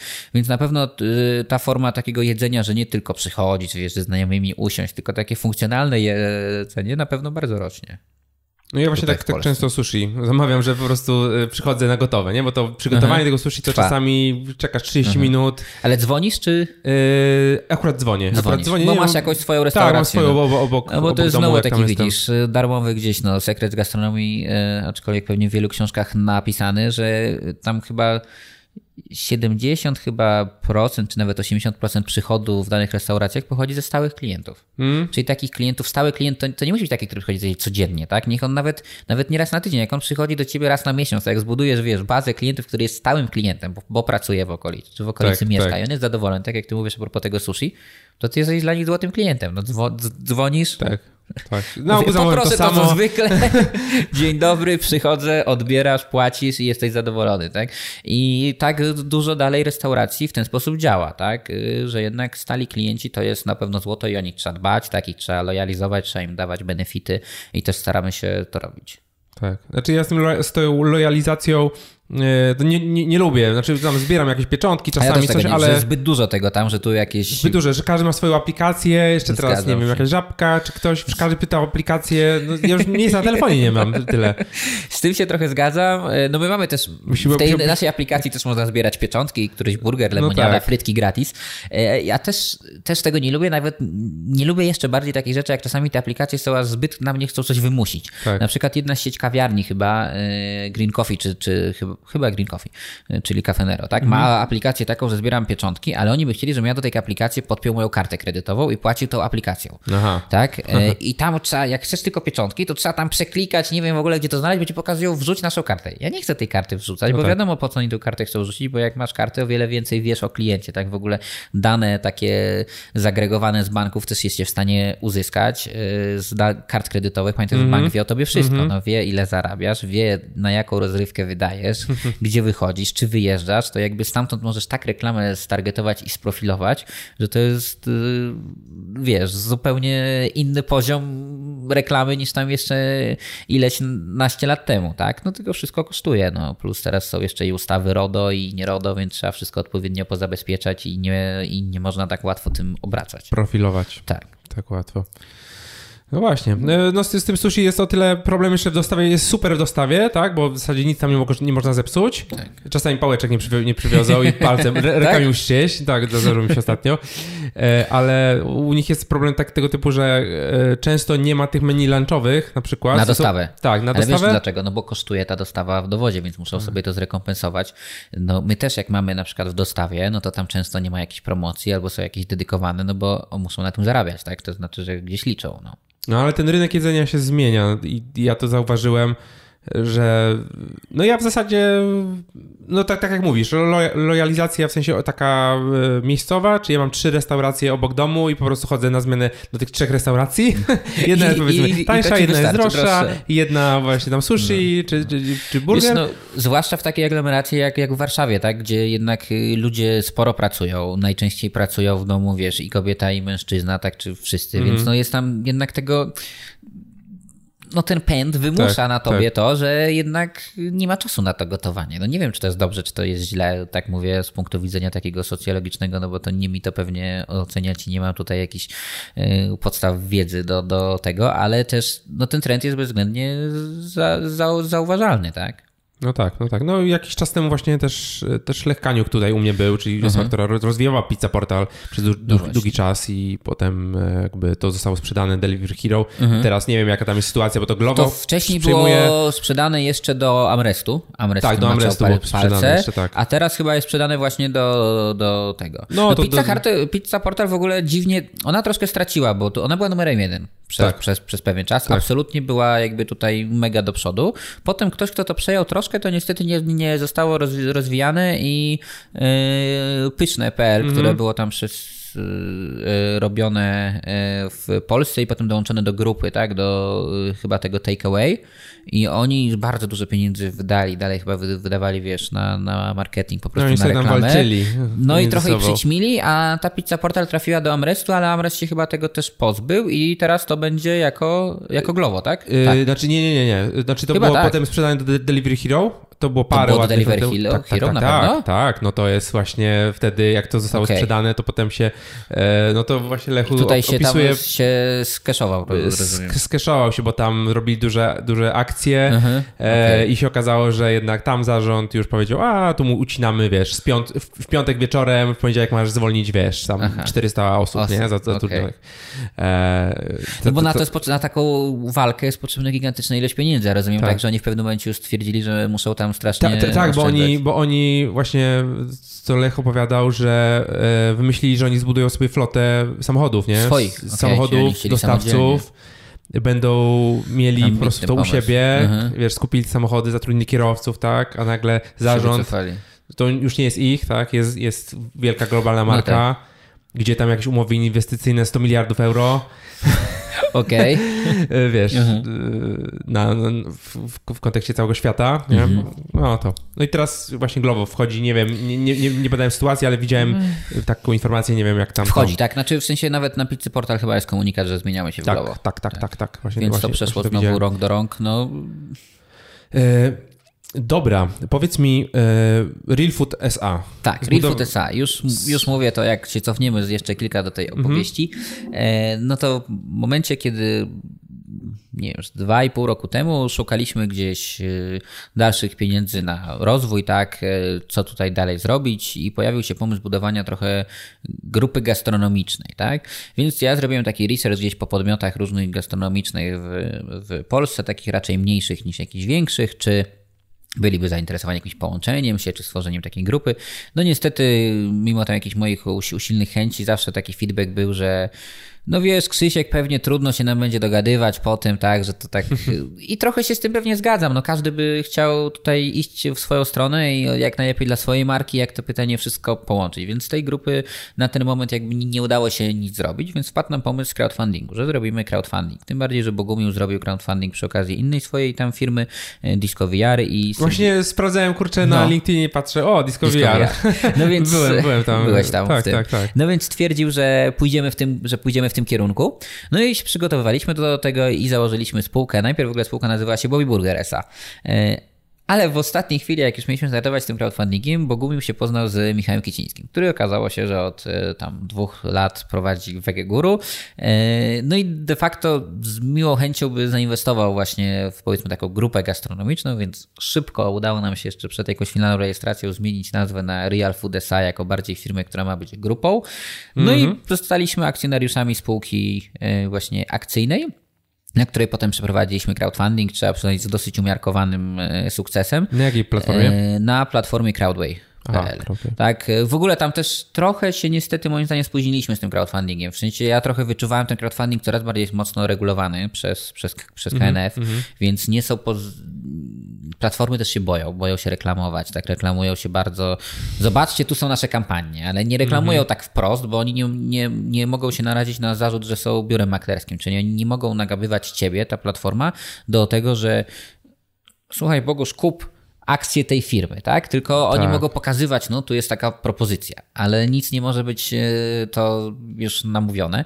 A więc e, sukces jakiś spektakularny tam nie było. Myśmy zebrali chyba 700 e, tysięcy z rynku, co też uważam, że jest na pewno jakimś tam wyczynem. Na pewno trochę pomogło nam reklamowo. Środki też zawsze oczywiście na rozwój gdzieś idą do przodu, ale samo założenie grupy z Michałem Chińskim i spółki akcyjnej pomogło nam na pewno w takich rozmowach z bankami. O wiele łatwiej się udało pozyskiwać jakieś finansowanie. No staliśmy się tacy trochę z lepszą perspektywą yy, i, i sam tak uważam trochę nieskromnie, że też myśmy bardzo dbali, żeby ten nasz crowdfunding był uczciwy. W sensie na takiej zasadzie, że jak prześledzisz, nie wiem czy śledziłeś ten rynek crowdfundingowy, ale jest bardzo dużo podmiotów, które yy, robią ten crowdfunding. Często, gęsto naprawdę jak się popatrzy na to tak prawnie, to tam jest, uważam, że wiele zależy bardzo dalej od tych właścicieli, bo na przykład notoryczną praktyką jest to, że zakładasz spółkę akcyjną i mówisz, jak zbiorę na tą spółkę akcyjną tam ileś, to odkupię od ciebie tą spółkę tam ZO, która będzie to prowadzić, tak? No, tak? no pytanie potem za ile ktoś to odkupi, czy faktycznie odkupi, czy się z tego wycofa. Myśmy dużo pieniędzy i na prawników wydali i dużo czasu poświęciliśmy właśnie, żeby jak już robimy ten crowdfunding, to żeby już to wszystko było w tej grupie, czyli już w dniu crowdfundingu była spółka Real Food SA, która posiada dwie spółki z Zoe, jest stuprocentowym udziałowcem, tak, jest Bobby Burger, jest Wegeguru i Bobby Burger ma jeszcze tam szereg jakichś innych spółek sobie zależnych. Więc też bardzo pracowaliśmy na tym, żeby to było takie transparentne, uczciwe. Ja nie, chcia, nie chcieliśmy bardzo też obiecywać gruszek na wierzbie, jak niektórzy tam piszą, że wiesz, że 15% w rok zarobisz, coś tam pokaz... Wszystko staraliśmy tak, się tak. tak pokazywać tutaj mega jakby stabilnie. No i przedstawialiśmy jakby propozycję wyjścia, to przedstawialiśmy wejście na New Connect w 2021 lub, lub odkup akcjonariuszy. No i zobaczymy, wszystko zależy od tego roku, jak ten rok się potoczy, to wszystko zależy, co w przyszłym roku, że tak powiem, poczynimy. Czyli to jest taka grupa kapitałowa, tak? Czyli w tym momencie to jest grupa kapitałowa. Wy sprzedaliście swoje udziały Nawet jest taka sprawa jak transakcja wymiany udziałów. Aha, wymiana Czyli udziałów. daliśmy swoje udziały w spółce ZO, a w zamian to objęliśmy udziały w spółce akcyjnej. To widzę dosyć popularny trend już w tych no, w takich większych biznesach, wiesz, no tak. jest to jak, y, to też niestety kosztuje wszystko. To też y, tak y, jakby miał to budować tylko na zasadzie takiej firmy rodzinnej, że chciałbym celowo tylko ja i Bogumiu, mm. to byśmy tego nie robili, bo to jest, to, to, to, są jakieś koszty tej spółki akcyjnej, tam musi być już audytor, tak, i rozbudowana księgowość, no to wszystko rocznie, tam tak. pewnie jakbym pomyślał przez to, że ta nasza struktura prawna jest dosyć rozbudowana, no, no to wyjdzie jakieś dobre kilkadziesiąt, o ile nie nawet ponad set, tak, tysięcy złotych, które mogłyby de facto powiększać naszą EBITę, tak, czy nasz zysk, a idzie niestety na takie mm, rzeczy właśnie księgowo, prawniczo inne, no ale jakieś bezpieczeństwo, ułożenie biznesu, tak? Potem jeśli chciałby się go kiedyś sprzedać, to ta struktura też, też jest ważna, tak? No ta spółka akcyjna przede wszystkim no, jest podstawą, jeśli chce się zadebiutować gdzieś na jakimś tutaj parkiecie, tak? Mhm. Liczymy też trochę na to, bo GPW zapowiedziała, ale nie wiadomo co z tego będzie, że zrobił taki rynek jeszcze alternatywny, jeszcze trochę inny niż New Connect, y, który ma być rynkiem takim właśnie dla firm, które były wcześniej crowdfundingu i że można by obracać tymi akcjami. No bo no w ogóle polska giełda, wiesz, tak wśród specjalistów, z kim nie rozmawiam, to, to nie ma jakiegoś wielkiego, dobrego PR-u w tym, w tym momencie. Mówi się, że tam jest niska płynność, że są dosyć niskie wyceny, że jakby nie ma tego pieniądza, że tam mało kto chce inwestować, nie mówiąc już w ogóle o New Connectie. No New Connect to... No tak... Że rządzi się swoimi prawami. Tak. E, na pewno. E, jak się współpracuje z Michałem Kicińskim? E, czyli współ, współtwórcą CD Projektu, jakby tak, ktoś, jakby ktoś, ktoś nie wiedział. nie wiedział. No wiesz, no to, to na pewno... Ciekawy człowiek, nie? Bardzo ciekawy człowiek, tak? Bardzo, bardzo ciekawa osobowość. Samy ten proces dogrywania tego naszego deala i gdzieś tutaj tych spotkań i potem budowania jakiejś wizji też i trochę wege guru i, i, gdzieś całej tutaj e, tej pierwotnej strategii. No była na pewno bardzo ciekawym e, przeżyciem, ale z jednej strony też e, zupełnie, wiesz, inny, myśmy wcześniej odbyli sporo rozmów z różnymi funduszami czy, czy z jakimiś innymi, to tu zupełnie na innym jakby poziomie i na zupełnie uważam fajniejszym takim partnerskim, partnerskim bardziej, niż... tak, tak. To zupełnie coś, coś, coś innego. No. no gdzie tam mają teraz gigantyczny sukces, tak? No CD Projekt, to no, przecież to tak, w ogóle tak tutaj polska gwiazda światowa, bym, bym, bym, bym powiedział, aż mnie zastanawia. Tak, no będę na pewno chłopaków próbował tutaj ściągnąć, przynajmniej, przynajmniej jednego e, no, do to mnie. może się ten, no, zakładam, że tam, no tam Michał sam teraz w CD Projekcie to chyba y, bieżąco tam nie działa, tak? Ma, tak, ma tak. dalej spory pakiet y, Ostatnio widziałem, że telefon jakiś planuje tak, wypuścić. robił, wiem, że robili również akcje, tylko że na Kickstarterze amerykańskim dla tam ich firmy Mudita i mm. właśnie bezemisyjny telefon, więc też sądzę, że można się z tym zapoznać. Ciekawa, ciekawa sprawa. Yy, o, ciekawa. No, to, no, Michał jest zdecydowanie wizjonerem, tak? tak? To jest y, naprawdę bardzo ciekawa osoba i w ogóle bardzo cenny kontakt. No na pewno będzie, będzie pasował tutaj do, do, do formuły e, mojego podcastu. E, jeszcze chciałem zapytać, a właśnie, y, dowiedziałem się, przecież nie wiedziałem, że jest takie słowo jak flexi... Czekaj, czekaj. Flexet, fleksitarianizm. Fleksitarianizm, tak, tak. No y, jest taki trend, czyli właśnie taki, że powiedzmy normalnie jesz mięso, tak, ale zmniejszasz ilość tego jedzenia mięsa i i w ogóle, bo trochę może zacznę od innej strony, że y, wiele osób mnie właśnie pyta, czy tutaj wy się nie obawiacie tego, że wszystkie rankingi mówią, że spada tam ilość spożycia mięsa i że ludzie chcą być zdrowsi, y, feed, wegetarianizm, weganizm, tak? tak? tak. No ja uważam, że wszystko gdzieś ze zdrowym rozsądkiem dalej jednak idzie do przodu, czyli spada spożycie mięsa, ale dalej w Polsce statystyki są takie, że spada spożycie mięsa głównie wieprzowiny, bo najwięcej spożywa się w Polsce wieprzowiny, bo była historycznie najtańsza. I moim zdaniem wyrzuca się to mięso z lodówki, czyli jakby nie je się na śniadaniu zawsze kanapki z szynką czy czegoś takiego, ale jak się wychodzi na miasto do restauracji, to dalej to spożycie mięsa rośnie, czyli dobrze jakościowego, zwłaszcza spożycie wołowiny rośnie w super tempie, bo żeby znać też liczby, co jest dla mnie to było niesamowite. Dalej średnio, nie wiem, za zeszły rok czy za któryś bardzo orientacyjnie, bo nie chcę tutaj nikogo wprowadzić w błąd, ale 60 kilka czy 70 kilka kilogramów wieprzowiny y, na osobę się spożywa w Polsce. Wieprzowiny czy mięso ogólnie? Wie, wieprzowiny. wieprzowiny. E, potem jakieś 30 kilka drobiu kilogramów i uwaga, wołowiny 3 kilo czy 2,5? No w sensie jakaś w ogóle taka liczba, że to rośnie w procentach, że się podwaja prawie. No aha, może nie podwaja, aha. ale o 30% jakby rośnie, więc y, przed nami tu jeszcze jest gdzieś duży, yy, uważam, potencjał, bo ludzie właśnie nie chcą jeść moim zdaniem takiej yy, przerobionego mięsa, tak? I ta wieprzowina jednak no jest gorszej jakości mięsem, tak? Więc yy, to wysokiej jakości mięso na jakieś szczególniejsze okazje, czy właśnie na to, że zjemy sobie na mieście, uważam, że dalej będzie rosło, ale oczywiście rozwijamy tą ofertę y, właśnie dla wegetarianów, czy dla wegan. Mamy też burger burgera wegańskiego od niedawna Power Planta z kotletem wegańskim na takim produkcie Lindy McCartney, który jest mhm. w Anglii pro, produkowany. I on udaje mięso, tak? Czyli jakby ma powodować w nas efekt, jakbyśmy jedli mięso, ale, ale tego mięsa nie ma. No, tak. e, no jest to trend, który na pewno się roz, roz, roz, rozwija. Tak? Sam koncept Wege Guru u nas jest trochę sprofilowany na mniej mainstreamowy. No myśmy zakładali na 10-12 restauracji w Polsce tego Wege Guru, aczkolwiek prawdopodobnie zrobimy taki trochę test i zrobimy taki Wege Guru Street, czyli taką wersję trochę szybszą bardziej i zobaczymy jak to będzie funkcjonować. Żeby trochę po prostu szybciej, bardziej mainstreamowo. No bo w tak? tym momencie jakbyś poszedł do nas, y, do Wege to jest restauracja z kelnerem, tak, aha, y, aha, więc tam okay. trochę to wszystko trwa, jest y, podane na talerzach, a jest taki, a nas ciągnie do tych takich streetowych konceptów, trochę jak Bobby Burger, czyli wiesz, szybciej, tak, łatwiej i chcemy zobaczyć jak, jak to pójdzie, no tym bardziej, że jednak nie ma co się oszukiwać, odbiór rynku na te wegańskie teraz koncepty jest duży, tak, w sensie ludzie chcą to, to nawet to wynika właśnie z tego, że nie tyle ludzie mówią, że nie, ja w ogóle nie, nie, nie jem mięsa, tylko takiej kulinarnej podróży, no poszukiwania czegoś e, innego, tak? Dokładnie. tak? To jest, jak pójdziesz do Wege Góry, to jest ciekawie zjeść coś, gdzie wiesz, że jest w ogóle to wegańskie, a smakuje naprawdę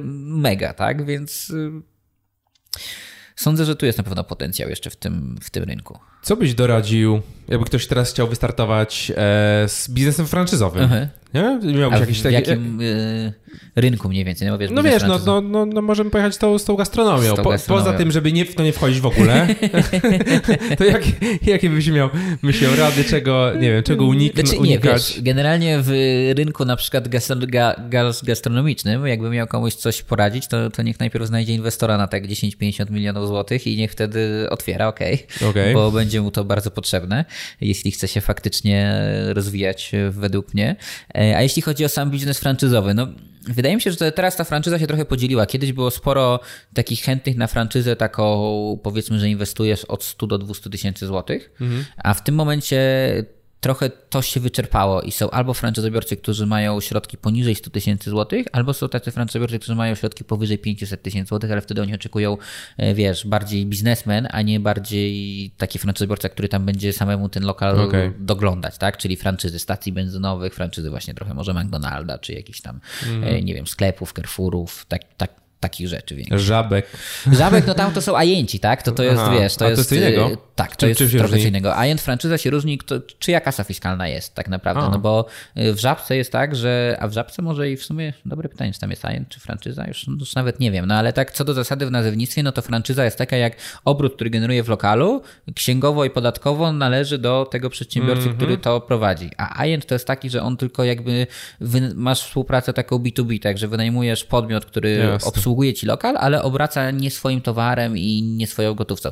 W Żabce chyba jest w ogóle jeszcze jakieś połączenie, mi się wydaje, że kasa fiskalna chyba jest tego partnera, ale oni towar też dostają po części chyba w komis, e, tak, no to, no to jest gigant, no, no gigantyczna tak, firma, tak. tak, która też w sumie świetną robotę w Polsce zrobiła i zmieniła ten rynek, bo przecież takich sklepów teraz osiedlowych w ogóle nie ma.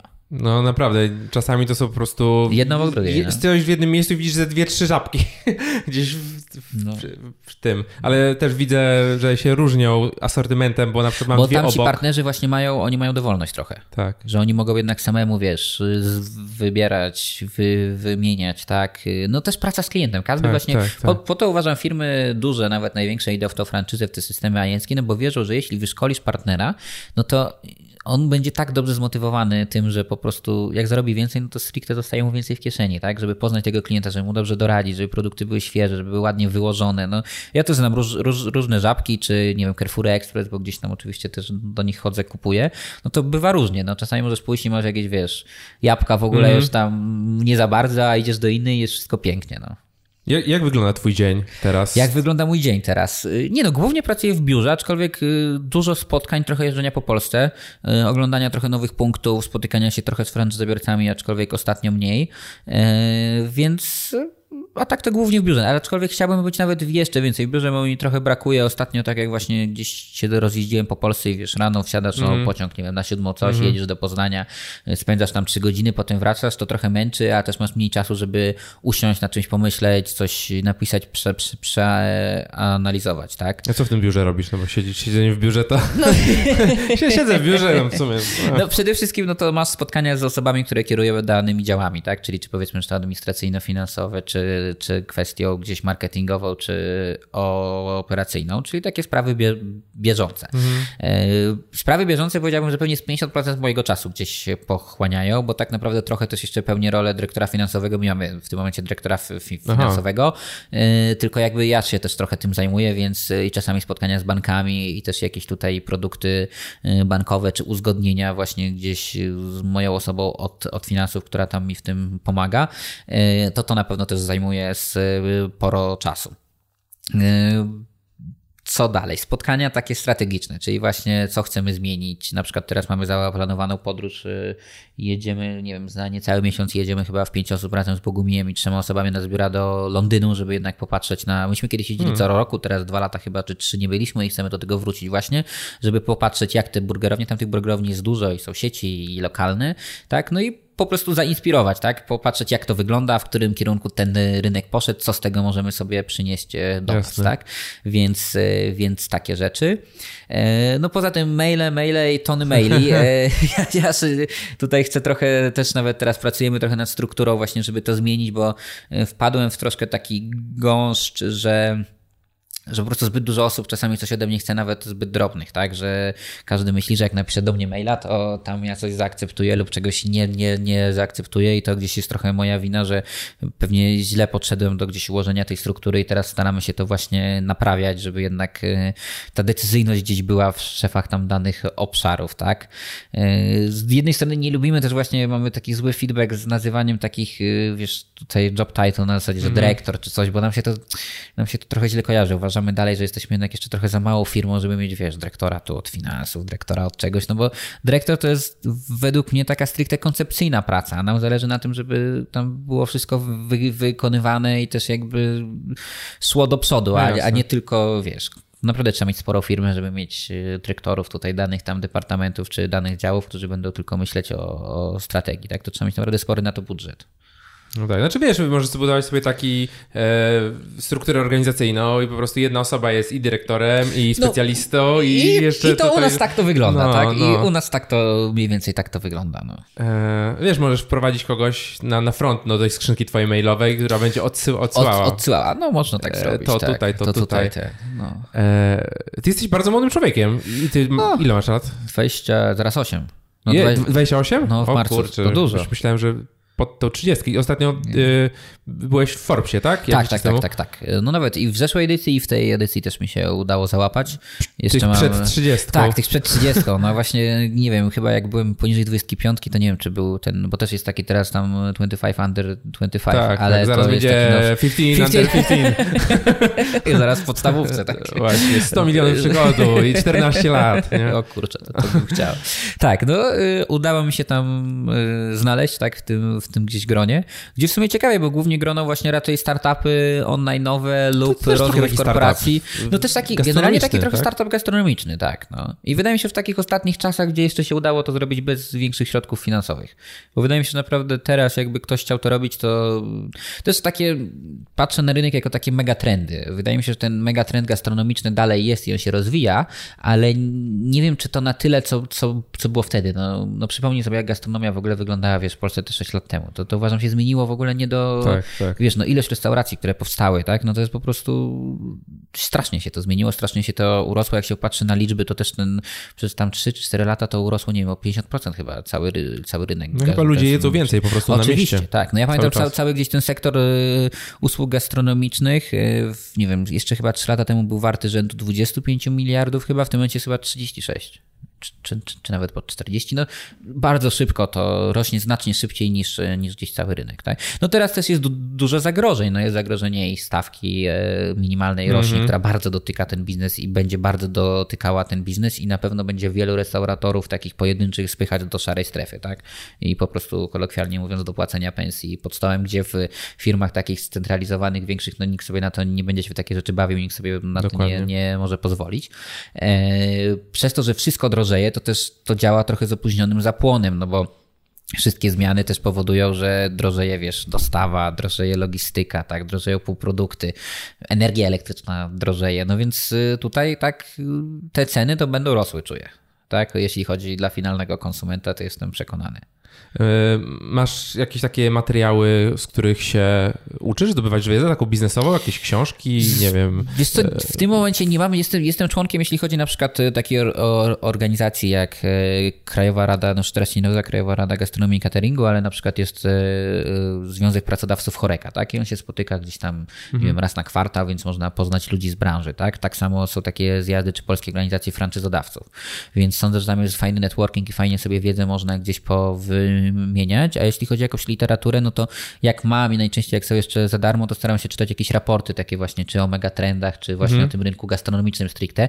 Niestety często jest tak, że jak chce się poznać tę pełną wersję raportu, trzeba go kupić, a on już wiadomo jest y, dosyć często drogi, ale aha. no staramy się z takich rzeczy też zgłębiać gdzieś tutaj wiedzę. Nie wiem, zastanawia mnie skąd, kurczę, no jednak budujesz dużą firmę już teraz. No już tak, no duża, mała firma mniejszy problem, duża firma większy problem.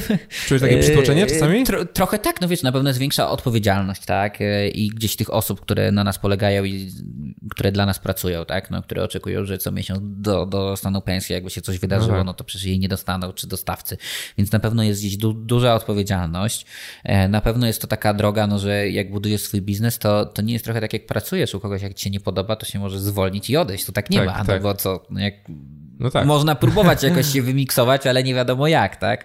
No, Więc, no, przez grupę kapitałową. No przez grupę kapitałową, ale no to musisz znaleźć albo swojego zastępcę, tak? tak no tak. oczywiście, że możesz powiedzieć, zostawiam tam, wychodzę no, i przyjeżdżam. udziały i dziękuję. Nie? No, musisz ja jadę sprzedać, tak? Jadę w Bieszczady albo do Nepalu, tak? Oczywiście, że można tak próbować, tak? No potem pytanie za jaką cenę, ale no, no na, na razie mnie to gdzieś, że tak powiem, jeszcze kręci i jakby czuję tutaj ten rozwój, tak? Wiadomo, jak firma się rozwija, to też daje satysfakcję, tak? Jak się mniej rozwija, no to daje mniej satysfakcji, ale czasami też mieliśmy na przykład taki ten rok y, i jeszcze cały czas jesteśmy w takiej fazie mocno rozwojowej, bo mieliśmy kapitał właśnie z crowdfundingu mm. i od Michała Kiecińskiego, ale powoli już wyhamowujemy i będziemy się musieli chwilę zająć y, dopracowaniem tego, co zbudowaliśmy, niż jakimś tam dalszym y, Wzrostem, pędem. Tak. Do, znaczy wzrost zakładam, znaczy... że będzie, ale bardziej organiczny niż ze względu na, na, na, na, na nowe punkty, tak? Aczkolwiek no, wszystko zobaczymy. No to też Dalej są jakieś fundusze, które chcą trochę w tę gastronomię inwestować, yy, aczkolwiek yy, gastronomia nie jest takim, wiesz, yy, to nie jest taki sektor yy, jakby tutaj rynku, który jest uważany przez inwestorów za mega, nie wiem, obiecujący czy mega sexy. Wystarczy popatrzeć, wiesz, na wyceny tam, nie wiem, giełdowych podmiotów. No to, to poza Amrestem, który tam e, faktycznie dał inwestorom super zwrot i, tak. i, w ogóle był jako taki super, to wszystkie pozostałe firmy, tam nie ma ich zbyt wiele na tej giełdzie, to tam takie raczej kiepskie są wyceny. No, a bym, bym rynek potężny. Rynek, rynek potężny. potężny, ale obarczony, wiesz, wieloma zagrożeniami, tak? I właśnie jeszcze też ta płaca dochodzi, która jest, y, to bardzo dla inwestorów tak. takich zagranicznych czy dla funduszy to bardzo źle, bardzo źle działa, tak? Bo oni patrzą, że wolą w internet inwestować, mimo to, że w internecie wychodzi jeden tam na tysiąc, tak, czy jeden na sto. No. No to trzymam kciuki w takim razie za was, e, za wasz rozwój. Już będziemy się, będziemy się powoli żegnać, bo już prawie pod, właśnie, pod dwie godziny, dobrze, o, pod dwie godziny już rozmawia. jesteśmy, więc jeżeli słuchacie jeszcze, to, to, to dzięki za to, że, że wytrzymaliście. Myślę, że poruszyliśmy sporo ważnych tak. i ciekawych tematów. E, no i no i co? No, Zapraszam na burgera koniecznie. E, tak. E, co, co, co polecasz z menu? Co polecam teraz? z menu? Jeśli zdążycie pójść teraz jeszcze niedługo, to polecam Onion Attack. Mamy takiego burgera, który... W marcu będziemy publikować. W marcu jakoś. będziemy publikować. Tak, tak, no to polecam, to będzie nowy burger sezonowy ze szparagami, to polecam jego. Koniecznie polecam z tej oferty takich sezonowych, naszych specjalnych, bo one są uważam no, naprawdę Rozumiem, najlepsze. że nie będziesz polecał, który w Warszawie jest najlepszy. Na, na nie, no, nie, no, nie, tak nie mogę. no, no wiem, tak, tak pomyślałem. To... Krzysiek, w takim razie dzięki za fascynującą rozmowę. Dobra. I powodzenia i do usłyszenia. Dzięki. No i to już wszystko na dzisiaj. Mam nadzieję, że Ci się ten materiał podobał. E, można było zobaczyć, jak ta e, branża gastronomiczna wygląda w Polsce i jak się buduje modelowy biznes franczyzowy. E, to chłopakom wyszło naprawdę dobrze. Widzę, widzę jak się rozwijają. Naprawdę, kurczę, Krzysiek w tak młodym wieku już jest tak daleko ze swoją karierą, że no, no, no, no trzeba patrzeć po prostu i, i podążać za nim. Jeżeli jesteście jeszcze młodsi, no to e, zobaczcie, e, co możecie osiągnąć. Jeżeli jesteście starsi, no to czas gonić, e, bo, bo czasu nie ma aż tak, aż tak dużo. I drogi słuchaczu, dziękuję Ci za wysłuchanie i jeżeli nie jesteś jeszcze na mailingu, to zapraszam startupmyway.com łamany na mailing. Zostaw swojego maila, będziesz dostawał najnowsze materiały ode mnie, plus wszystkie rzeczy, które będą dedykowane dla listy mailingowej. Zero spamu, jak ktoś wie, nie wysyłam nigdy nigdy żadnego spamu, e, zawsze wartościowe treści. Startupmyway.com łamany na mailing. To tyle na dzisiaj i do usłyszenia w kolejnym odcinku.